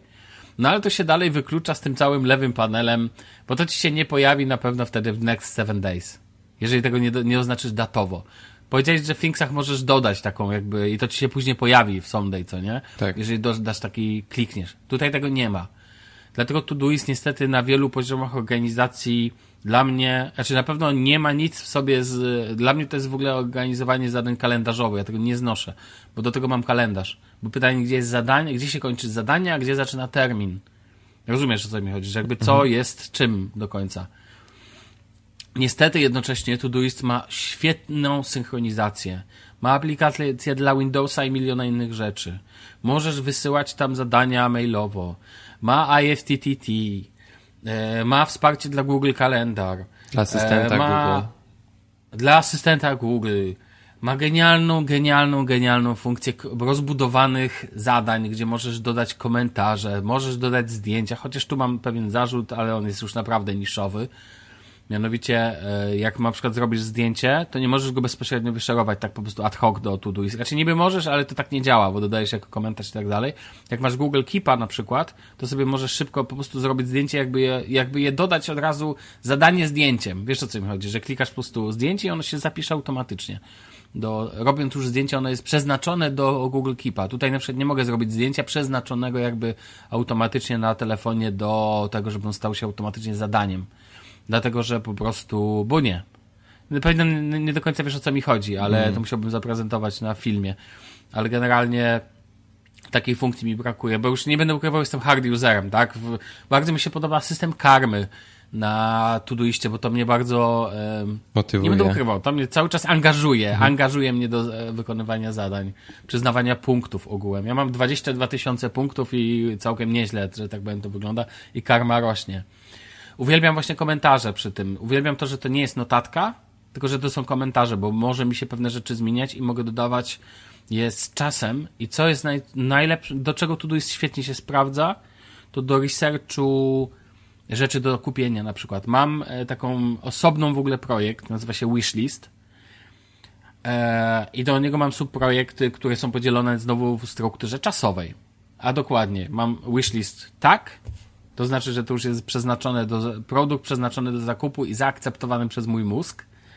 E, wishlist w przyszłości i wishlist taki, w takiej już, już chyba. W przyszłości to jest taki, że jeszcze nie wiem, czy na pewno to chcę. I o co chodzi? Jeżeli jest jakiś produkt i to nie jest najczęściej konkretny produkt, tylko grupa produktowa, przykładowo głośniki. Weźmy głośniki. Wiem, że chcę kupić głośniki. To one trafiają tam do wishlist w przyszłości. Następnie robię research, i sobie po sieci szukam takich głośników. Takie, owakie i tak dalej. Za pomocą narzędzia y, tego web clippera swoistego, ważne, dodaję to do tego pojedynczego zadania jako komentarze.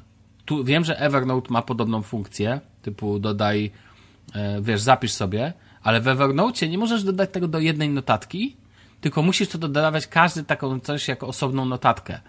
A jako, że Evernote nie ma zbyt zagnieżdżonej struktury, to tak naprawdę nagle robi ci się cały notatnik musisz stworzyć pod coś takiego. Dla mnie to jest absurd. Natomiast Todoist ma możliwość dodawania rzeczy jako komentarz do zadania.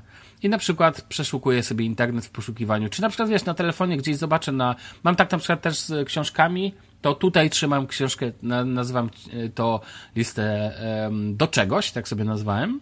I mam książki, filmy, tutaj zbieram filmy do obejrzenia, w sensie do obejrzenia, do przeczytania, rozumiesz, mhm. jakby to taka e, ten. I na przykład trzymam sobie listę książek, które chcę przeczytać, listę audiobooków, które chcę kupić na audiotece. Nie trzymam tego w audiotece, bo tam się robi straszny chaos.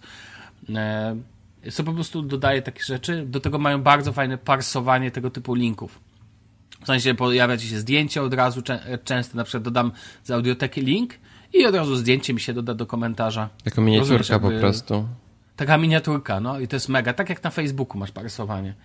Więc mam, e, mam na przykład, nie wiem, seriale, które chcę obejrzeć, e, książki, które mam do przeczytania, e, koncerty, na które chciałbym jeszcze pójść. Przykładowo, na przykład odkrywam jakiś zespół na Spotify'u i mega mi się podoba, ale zapomnę o tym, tak? To nie jest aż tak e, główny zespół, który, wiesz, gdzieś wiem, że po prostu go uwielbiam, typu Coldplay. I wiesz, i po prostu, ale na przykład jak później cały pewien czas sobie to przeglądam i widzę, o, faktycznie chciałem na to pójść, włączam sobie od razu też muzykę i tak dalej, i przypominam sobie. E, no i mam tak samo z wishlistami. To w ogóle uwielbiam. To jest takie, te dwie rzeczy, te dwie części Todoista uwielbiam bardzo. Do researchu jest genialnym narzędziem. Na przykład mam teraz, wiesz, mam na przykład teraz do podłogową lampę do salonu, słuchaj, chcę kupić w przyszłości. Być może, ale nie wiem jeszcze. I już mam na niej trzy komentarze.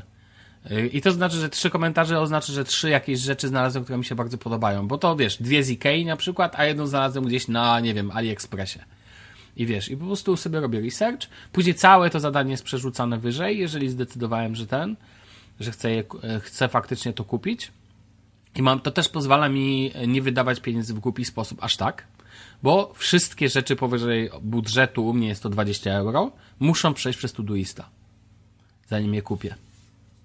Rozumiesz, jakby i to powoduje, że też jakby to wymaga pracy ode mnie, wydanie pieniędzy wymaga ode mnie pracy. Tak, ja, ja e, zawsze mam tak, że no. to jest jedyna rzecz, którą mam w, w Thingsach rozwiązaną w taki sposób, której bym nie chciał mieć w 100%, ale mam stworzony w, w moim area personal a projekt wishlist, który jest zaznaczony jako someday, żeby mi się nigdy nie wyświetlał w upcoming i tak dalej. I w tym projekcie Someday mam po prostu rzeczy, które rozwa- których zakupienie rozważam. I co bardzo jest fajne w Thingsach, to jest to, że do każdego projektu można sobie dodać opis. I w tym projekcie mam takie 10 pytań, które sobie zadaję, jeżeli chcę kupić coś. Czyli nie dość, że muszę dodać do tej listy, to mhm. jeszcze mam taki self-judgment, patrząc na ten listek e, pytań, które tutaj są i tak, czy na pewno to jest coś, czego potrzebujesz, czy na pewno przydać się to, czy nie możesz tego rozwiązać w jakiś inny sposób i tak dalej. Ale widzisz, ale to akurat to, to są fajne rzeczy. Znaczy to, i, I na przykład ym, i właśnie to samo w przypadku Todoista u mnie, że na przykład on mi się sprawdza do tego typu rozwiązań jest wręcz genialny. Jest absolutnie genialna funkcja, którą uwielbiam i nie ma jej żadna inna aplikacja. Literalnie żadnej nie znalazłem, która by to miała. Czyli jak masz, e, tele, mam na telefonie, jest share, to mogę to wyszerować jako standardowo, jako dodaj na przykład do czegoś, czyli na przykład, nie wiem, no, do, do Evernote'a i do Microsoft To Do i wszystko fajnie, tylko wszystkie te narzędzia tworzą nową notatkę, nowe zadanie i tak dalej, a tu jest też share jako komentarz, share as comment i po prostu mogę udostępnić to jako komentarz do zadania. Tylko Notion, tylko Notion pozwala na podobną rzecz. To taka ciekawostka. On ma, y, on ma po prostu możliwość albo stworzenia nowej notatki, albo dodania do innej już istniejącej. Evernote tego nie ma, e, a ma to Todoist. I dla mnie to jest killer feature, który powoduje, że nie mogę odejść od tej apki. Bo ja po prostu tego używam nagminnie, do researchów i tak dalej, i tak dalej, i tak dalej. I to ważne, że możesz to zrobić na telefonie, ale możesz to też za, zrobić za pomocą przeglądarki internetowej. Bo wielki szacunek za doskonały web clipper, e, doskonałą jakby wtyczkę do zarządzania dla Todoista. Dlatego, o ile organizacja mi się nie podoba, o tyle te wszystkie cały ekosystem, który Todoist sobie zrobił dookoła, jest absolutnie rewelacyjny. Nie, nie mogę wyjść po prostu, nawet aplikacja dla Windows 10, oni mają dwie aplikacje dla Windowsa. Windows aplikację, tą Legacy, gdzie masz aplikację dla Windowsa 7 i tak dalej, i świetną aplikację dla Windowsa 10, ładną, synchronizującą się, gdzie wszystkie nowości wchodzą też. Oni robili, narobili teraz tyle za różnych funkcji, sekcje porobili, co nie? I tak dalej. I to jest super, ale jednocześnie Todoist jest tak przeładowany już po prostu, a kilku rzeczy mu tak kluczowych właśnie brakuje dla mnie, jak sama strukturalizacja treści. No ale dobra, jeszcze jeden taki protip ode mnie dla ludzi, którzy używają Todoista. Bardzo polecam Wam używanie filtrów. Ja sobie zrobiłem jako stronę główną nie Today, tylko mam tak zwany dashboard. Dashboard to jest mój wyfiltrowany widok, w którym mam następujący, mogę Wam zdradzić, to żadna tajemnica. W dashboardzie, który jest moim, po prostu ustawiasz sobie w opcjach, jaka jest strona Twoja główna, co nie? I on wtedy od tego zaczyna. I na dashboardzie mam najpierw hashtag now, to jest dla mnie taki tag, który dodaje wszystkim zadaniom, które są na teraz, ale on niekoniecznie muszę wykorzystać, zrobić je dzisiaj. Następnie mam priority 1 i tutaj używam to do takich, no właśnie, i tu mi brakuje słowa, cały czas nie znalazłem. Projektów, ale prawdziwych projektów, to znaczy dużych zadań, które muszę zrealizować, na przykład podpisanie nowej umowy z dostawcą prądu.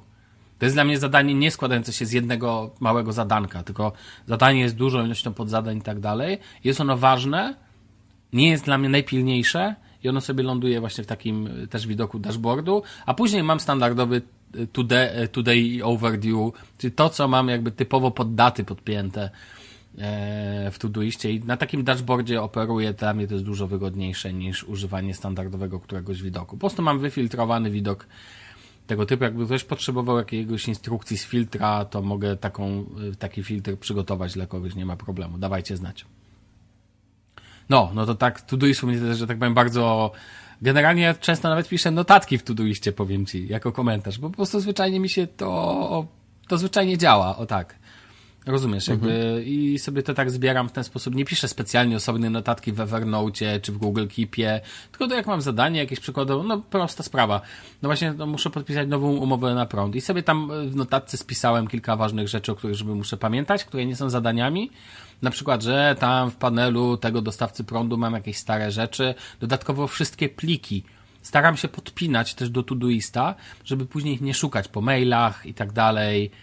Bo wtedy po prostu wiem, jak mam maila, to sobie go też szeruję do Todoista, do tego zadania. Rozumiesz, że wtedy wszystkie jakby rzeczy związane z tym dużym projektem leżą sobie ten, leżą sobie tu i czekają. A co ważne, Todoist ma funkcję pozwalającą nawet do projektu podpiąć notatki. To tak, taka ciekawostka. Tak, jako projektu, jako tego głównego projektu, nie tylko zadania jako projektu. Czyli możesz mieć komentarze do, do samego projektu? Tak, do projektów, do samego projektu. Na górze mam na przykład, mamy projekt powiedzmy osobiste i możesz do niego dodać komentarze, słuchaj. Mało kto o tym w ogóle wie, bo one są tam na górze. Takich w ogóle Todoist jest tak skomplikowany, że ma swoisty, wiesz, już na Reddicie, w ich subreddicie można znaleźć w ogóle, wiesz, jakieś takie killer features, takie bardziej zaawansowane użycia tego. No i wiesz, na przykład, na przykład zadanie możesz wyboldować sobie, tak widok w ogóle zadania możesz wyboldować, możesz zmienić mu strukturę wyglądu, możesz zmieniać mu emotikony, to dość jasne i tak dalej. I po prostu, wiesz, i to tego jest tu Y, funkcji, która się odkrywa jest sporo. Naprawdę sporo. Ale chciałem powiedzieć jeszcze jednej aplikacji, której nie używam, ale lubię ją po prostu ze względu właśnie na jej strukturę. A mianowicie jest to Microsoft To Do, czyli wcześniej Wunderlist tak naprawdę. Bardzo szanuję, że jest to aplikacja bezpłatna w pełnej wersji. Więc uważam, że jest to najlepsza aplikacja dla ludzi, którzy nie chcą płacić za aplikację do To-Do, a chcą coś bardziej skomplikowanego, coś bardziej zaawansowanego. Pozwala tworzyć listy, uwielbiam funkcję My Day. To znaczy dodawanie gwiazdki, bo to jest właśnie wychodzenie ze skali czasu. Po prostu dodawanie swoistej dnia. Tam można dodać czas, ale ono jest bardziej przeznaczone dla typu, że naprawdę musisz to wykonać dzisiaj. Rozumiesz, dla takich zadań.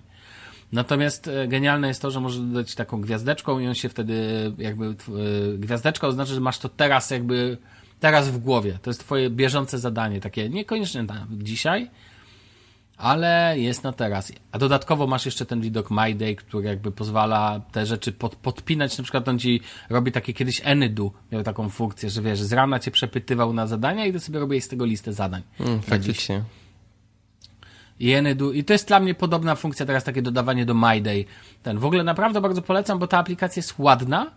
Zawsze lubiłem ten dźwięk w Wunderliście tego zakończonego zadania i dalej go bardzo lubię, takie plumknięcie, które było i Microsoft to na szczęście przerzucił. Dał też wizual, to znaczy tam można sobie e, te tła dodawać. To jest naprawdę fajna aplikacja. Bardzo, bardzo fajna. Wielki szacunek dla Microsoftu ode mnie za to, jak postąpili na końcu z tą aplikacją. W sensie, że nie zaorali jej jakoś brzydko, tylko moim zdaniem dali większość funkcji. Ciekawostka, mało kto o tym wie.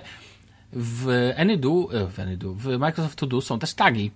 Tylko, że one właśnie nic nie robią, ale można je używać. Można ich używać, można sobie... Możesz je użyć do filtrowania, czy coś takiego? Ale tak. Ale wiesz, do czego możesz e, tak naprawdę? Chodzi o to, że one stają się, to jest klikalne wyszukiwanie. Tak bym to nazwał.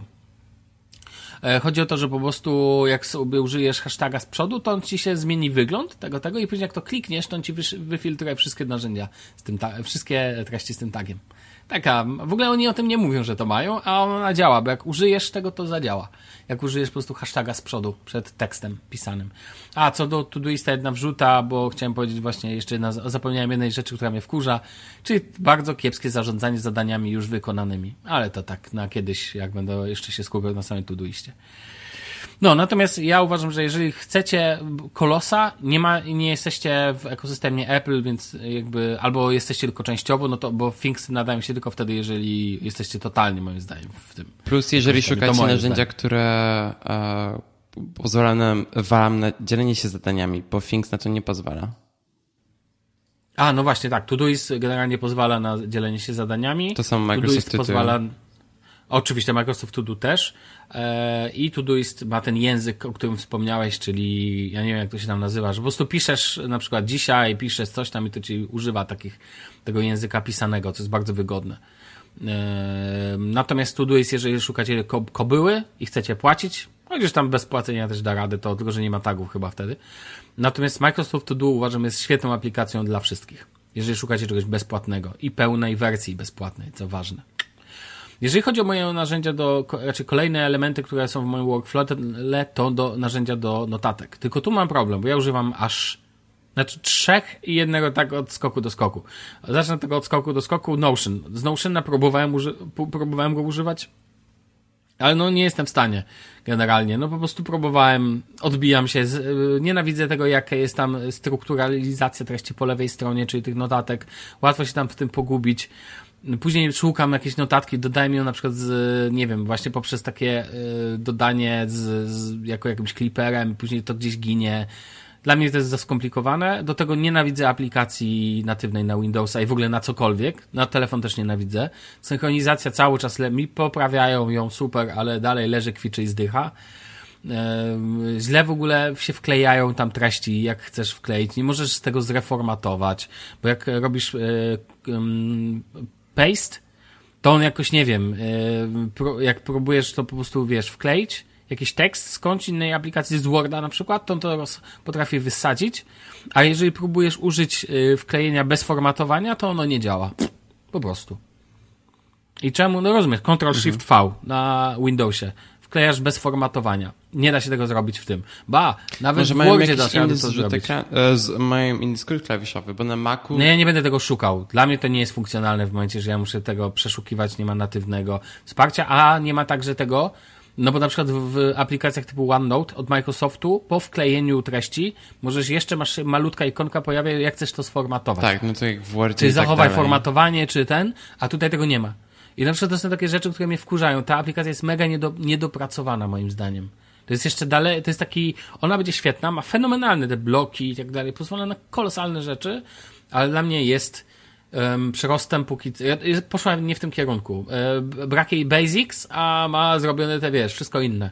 Natomiast niestety cały czas używam Evernote'a, niestety, stety, bo uwielbiam tą apkę i ją jej nie znoszę jednocześnie. Ma genialne wyszukiwanie, genialnego clipera, ale tak, jest tak powolnie, tak się powoli rozwija.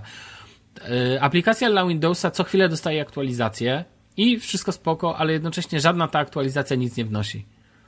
Mam, odnoszę wrażenie. I Evernote jest moim cyfrowym mózgiem. Ja tam zrzucam wszystkie artykuły z sieci, które mogą się, chyba Paweł Orzech o tym też mówił, ja to już w ogóle od lat tak właśnie używam, że dla mnie, Ever, ja do Evernote'a mam to mój prywatny Google.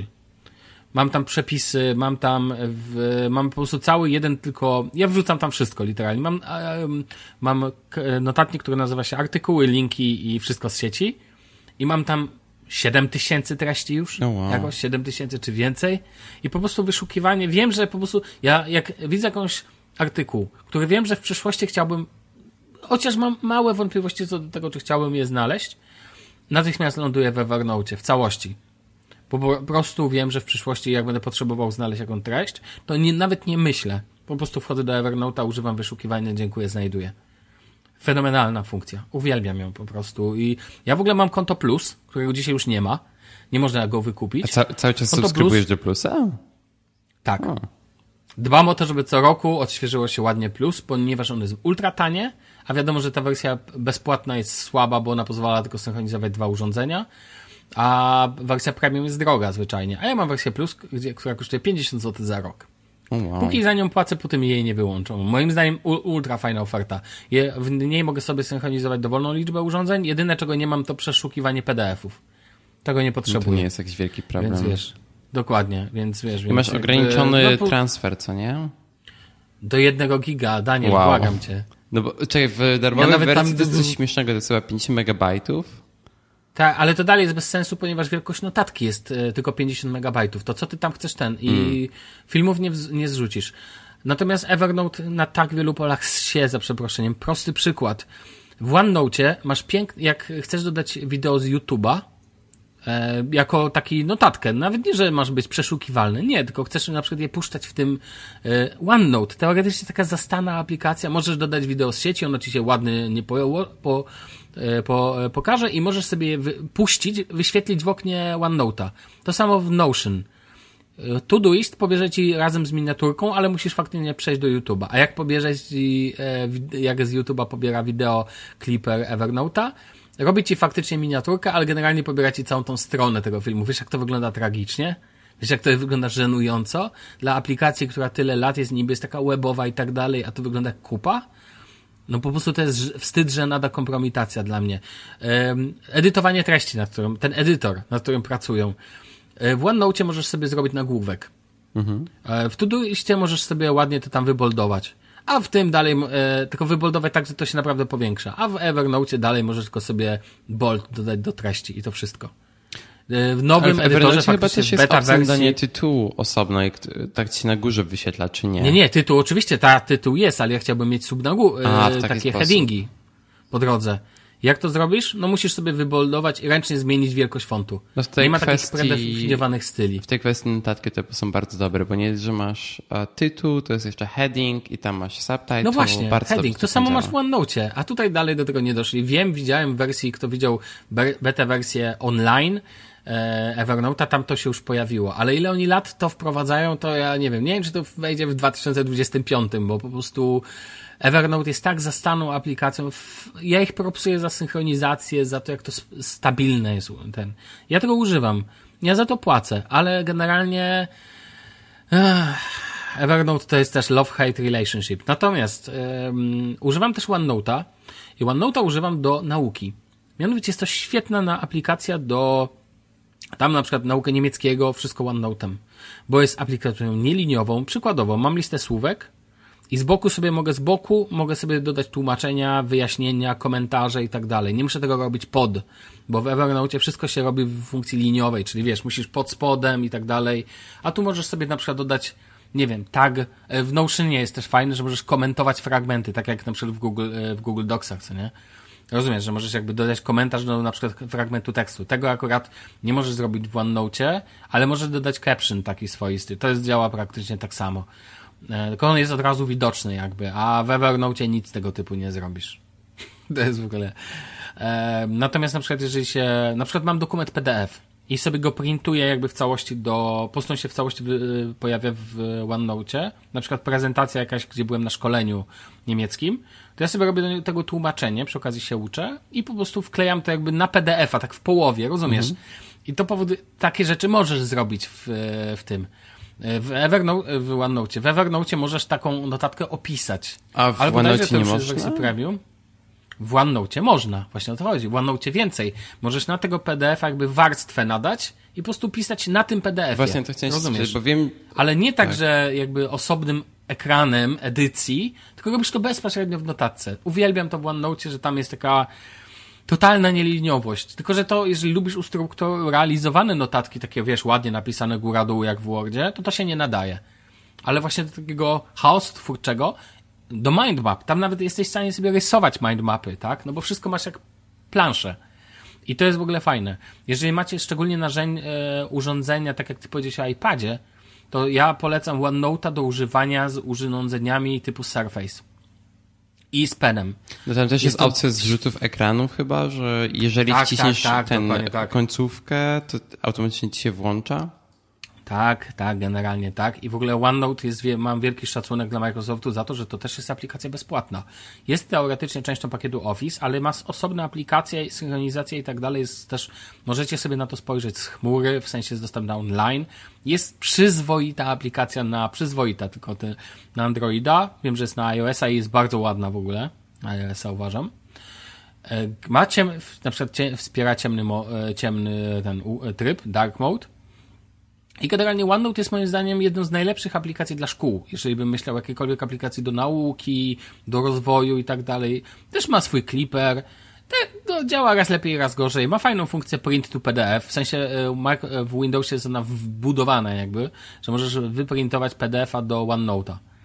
E, to jest spoko naprawdę, ja uważam, że jest to jedna z najbardziej niedocenionych aplikacji, jakie mogą być, a używam jej, nie, nie, nie, nie mam jak połączyć aplikacji One, ona służy mi do czego innego zupełnie i tak jak na przykład zastanawiałem się nad filozofią tworzenia notatek, bo Evernote wcale nie jest dobrą aplikacją do notatek, tylko jest bardziej dobrym mózgiem do zbierania notatek z innych źródeł. Natomiast gdzie najlepiej pisać, to na pewno nie w Evernote. To ja wolę pisać w OneNote albo nawet w Notionie. No ale piszę w Evernote też, na przykład jakieś podsumowanie i tak dalej, czy nie wiem, skrypt do odcinka czegoś tam, tak? No to, to dalej bym robił w Evernote, mimo że nie lubię tego robić, bo, bo wyszukiwanie. Szybki mention tylko Google Keep, którą uwielbiam jako malutka aplikacja do no, szybkich notatek, jakichś tych na przykład, nie wiem, listy zakupów i tak dalej, do dzielenia się wspólnie z partnerem i tak dalej. To jest w ogóle, wiesz, piękna, piękna sprawa, co nie? E, I kalendarz. Ja kalendarza używam też bardzo dużo mam go, wprawdzie Todoist pozwala łączyć z taskami, ale ja generalnie staram się to oddzielać i inaczej niż u Ciebie, u mnie bardzo kluczowym elementem kalendarza są mój y, kalendarze z pracy. W sensie ja mam bardzo dużo terminów u klientów. Znaczy, u, i u mnie tak samo, ja mam no. dosyć dużo wydarzeń, jeżeli chodzi o pracę. A, okej. Okay. Tylko, że ty je sam wpisujesz? A, no nie, one są współdzielone z resztą zespołu. Okej. Okay. No to ja mam tak, że ponieważ moja praca wymaga jeżdżenia do klientów i moja jakby u nas dziewczyna zajmuje się jakby planowaniem zadań z klienta, czy planowanie terminów i po prostu ja czekam, patrzę jakie mam zadania na aktualny tydzień, dzień i tak dalej. Gdzie? I po prostu mam to wyszerowane jako kalendarze zewnętrzne z aplikacji, które używam w pracy, to bodajże Bitrix albo a nie, to jest akurat CRM, ale nie pamiętam jaki CRM. Tak czy owak on ma funkcję oczywiście ma funkcję wspierania Google Kalendarza e, w sensie formatu, tam wiesz, tych formatach zewnętrznych i po prostu za pomocą tego, plus moje wydarzenia prywatne mam podzielone na trzy kalendarze. Jedno nazywa się, mm, raczej one mają kolory po prostu. Nawet nie, nie pamiętam jak się nazywają. Jedno to czerwony, drugi zielony, trzeci żółty. E, I u mnie jest tak, że wydarzenia żółte, coś jeszcze są najmniej ważne, to są na przykład albo takie tak, że coś się tam w tle dzieje, tak? Typu, nie wiem, e, mam, e, przyjeżdża ktoś do mnie i wiem, że od tego dnia do tego dnia ktoś u mnie jest, to to jest na żółto, bo ja jakby, i to jest all day zadanie, bo ja wiem po prostu, że ten, przez ten czas gdzieś ktoś u mnie jest, na przykład tak dalej. Konkretne, jak wiem, że z tą osobą gdzieś idę na przykład na mecz, no to to sobie na czerwono zaznaczam z terminem, ale jeżeli na przykład mam e, zadania, na przykład termin podcastu, tak jak z tobą mam, mam na zielono. Po prostu traktuję jako ważne wydarzenie, ale jeżeli w cudzysłowie bym go przypadkiem, nie wiem, by się coś wydarzyło, to by się świat nie zawalił. Rozumiesz, czerwone to są u mnie argent, spotkanie, no bo jak na przykład, wiesz, co innego jest jak e, na przykład, nie wiem, nie, albo na przykład będę grał online, to sobie też robię zielony. Hmm. Natomiast żółte to są u mnie takie typu wydarzenie, typu zaczynają się Mistrzostwa Świata w piłce nożnej i chcę sobie zabukować, żeby wiedzieć, że w tym terminie będę miał dodatkowe rzeczy, które będą mi zajmować głowę. Na przykład cały miesiąc mam na żółto wtedy. No nie? Więc mam takie trzy kalendarze i to mi wystarczy do prywatnego, do prywatnych e, rzeczy. Po prostu mam jakby jest skalę priorytetu. Natomiast używam kalendarza nagminnie, bo wszystko, co zapisuję, nie używam tak, jakby same wydarzenie już u mnie później nie jest aż tak edytowane, chociaż muszę zacząć mocniej, na przykład dodawanie y, załączników. Mega mi się podoba funkcja, że jeżeli z kimś jesteś i ta osoba dodasz gestów, już mi się dwa razy to przydało e, i możesz później automatycznie założyć hangouta do tego, czy tam mita. Tak, jeżeli znaczy, to wydaje mi znaczy, jeżeli masz e, organizację w G Suite, to mhm. bardzo mnie... To automatycznie ci tworzy adres. Tak, już. i bardzo mnie irytuje to, że ludzie nie odpinają tego, bo jeżeli jest wydarzenie w gdzie powinien się, gdzie spotykacie się in person, że tak powiem, a to często mhm. ludzie zapominają tego usunąć i potem masz w e, kalendarzu spam z, w postaci. No tak, tak, tak, tak, bo tak, bo ludzie zapominają, jak zaawansowanym to jest pozorom narzędziem.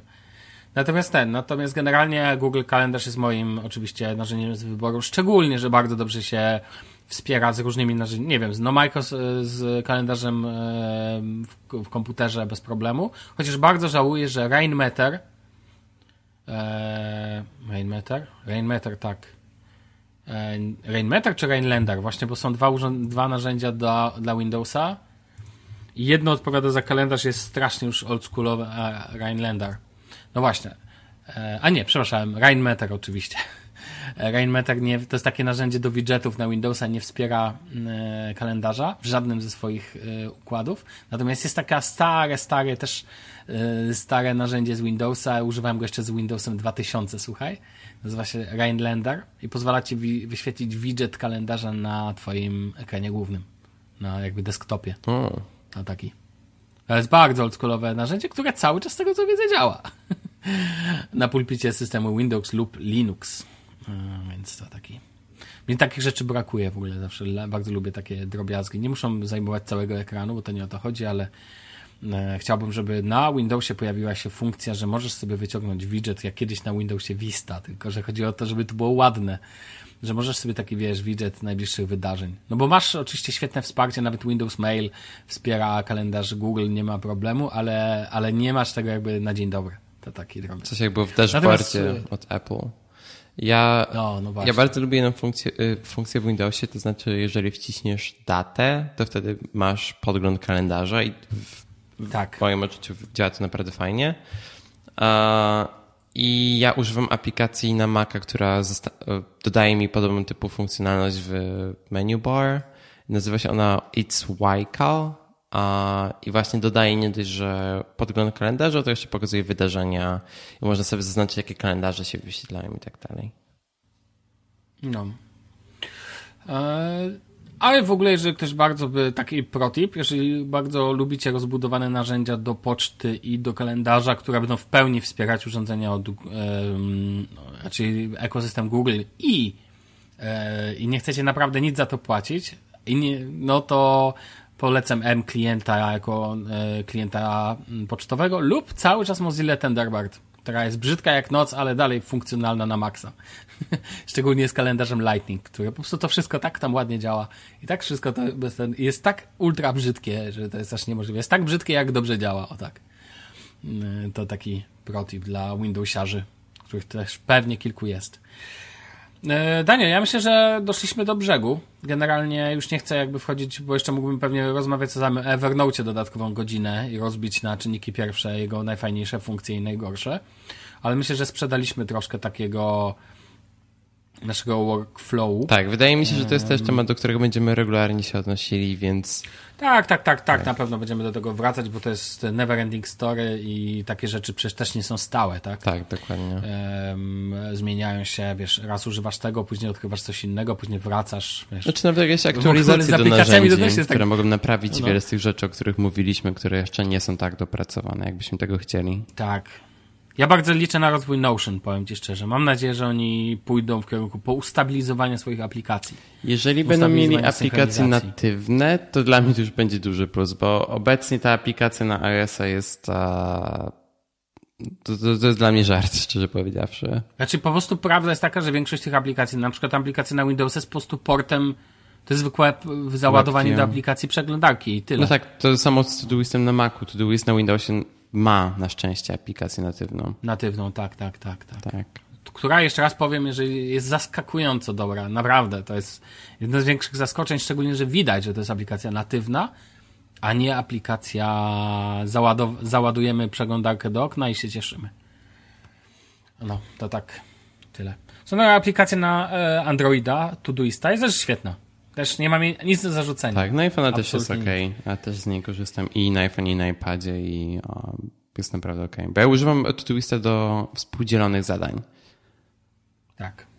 No. Tak jest, bo ze mną używasz na przykład. A z tobą, no i właśnie z moją dziewczyną też. To jakichś takich domowych zadań, że tak powiem. Rozumiem. Dobrze. Dobrze. To za... Kończmy. Tak, dokładnie. To w takim razie, jeżeli chcielibyście dać nam trochę feedbacku, czy porozmawiać z nami, możecie nas znaleźć na Twitterze. Nasz podcast e, jest tam dostępny pod nickiem Dobre Rzeczy Tech. Sławek jest tam dostępny pod nickiem Sławek Agata, a, a mnie możecie znaleźć pod nickiem D. Marcinkowski Podłoga. A, czy taki, taka podłoga, jako znaczek, nie podłoga zapisane słownie. A, możecie nas subskrybować przez Apple Podcast, Spotify i wiele, wiele innych różnych platform do słuchania podcastów. Jeżeli jesteście na ludźmi, którzy słuchają nas przez Apple Podcast, to tam również możecie nam zostawić recenzję, najlepiej pięć gwiazdek. Byłoby nam bardzo miło. Dzięki. Będziemy też bardzo wdzięczni, jeżeli e, słuchacie nas na zegarku Jesteście wśród tych kilkunastu osób, które znaleźliśmy w statystykach. Napiszcie to nam. Tak. Że słuchamy, że słuchamy, e, słuchane na zegarku. Swoją drogą mamy więcej odsłuchań na Apple Watchach niż na smart głośnikach. I to Sonos, Alex, Sonos, e, głośniki od Amazonu, e, Google Home i wszystko razem wzięte. Piękna sprawa. No. Dobra, słyszymy się, słyszymy się w kolejnym odcinku. Co tak, nie? do usłyszenia, trzymajcie się.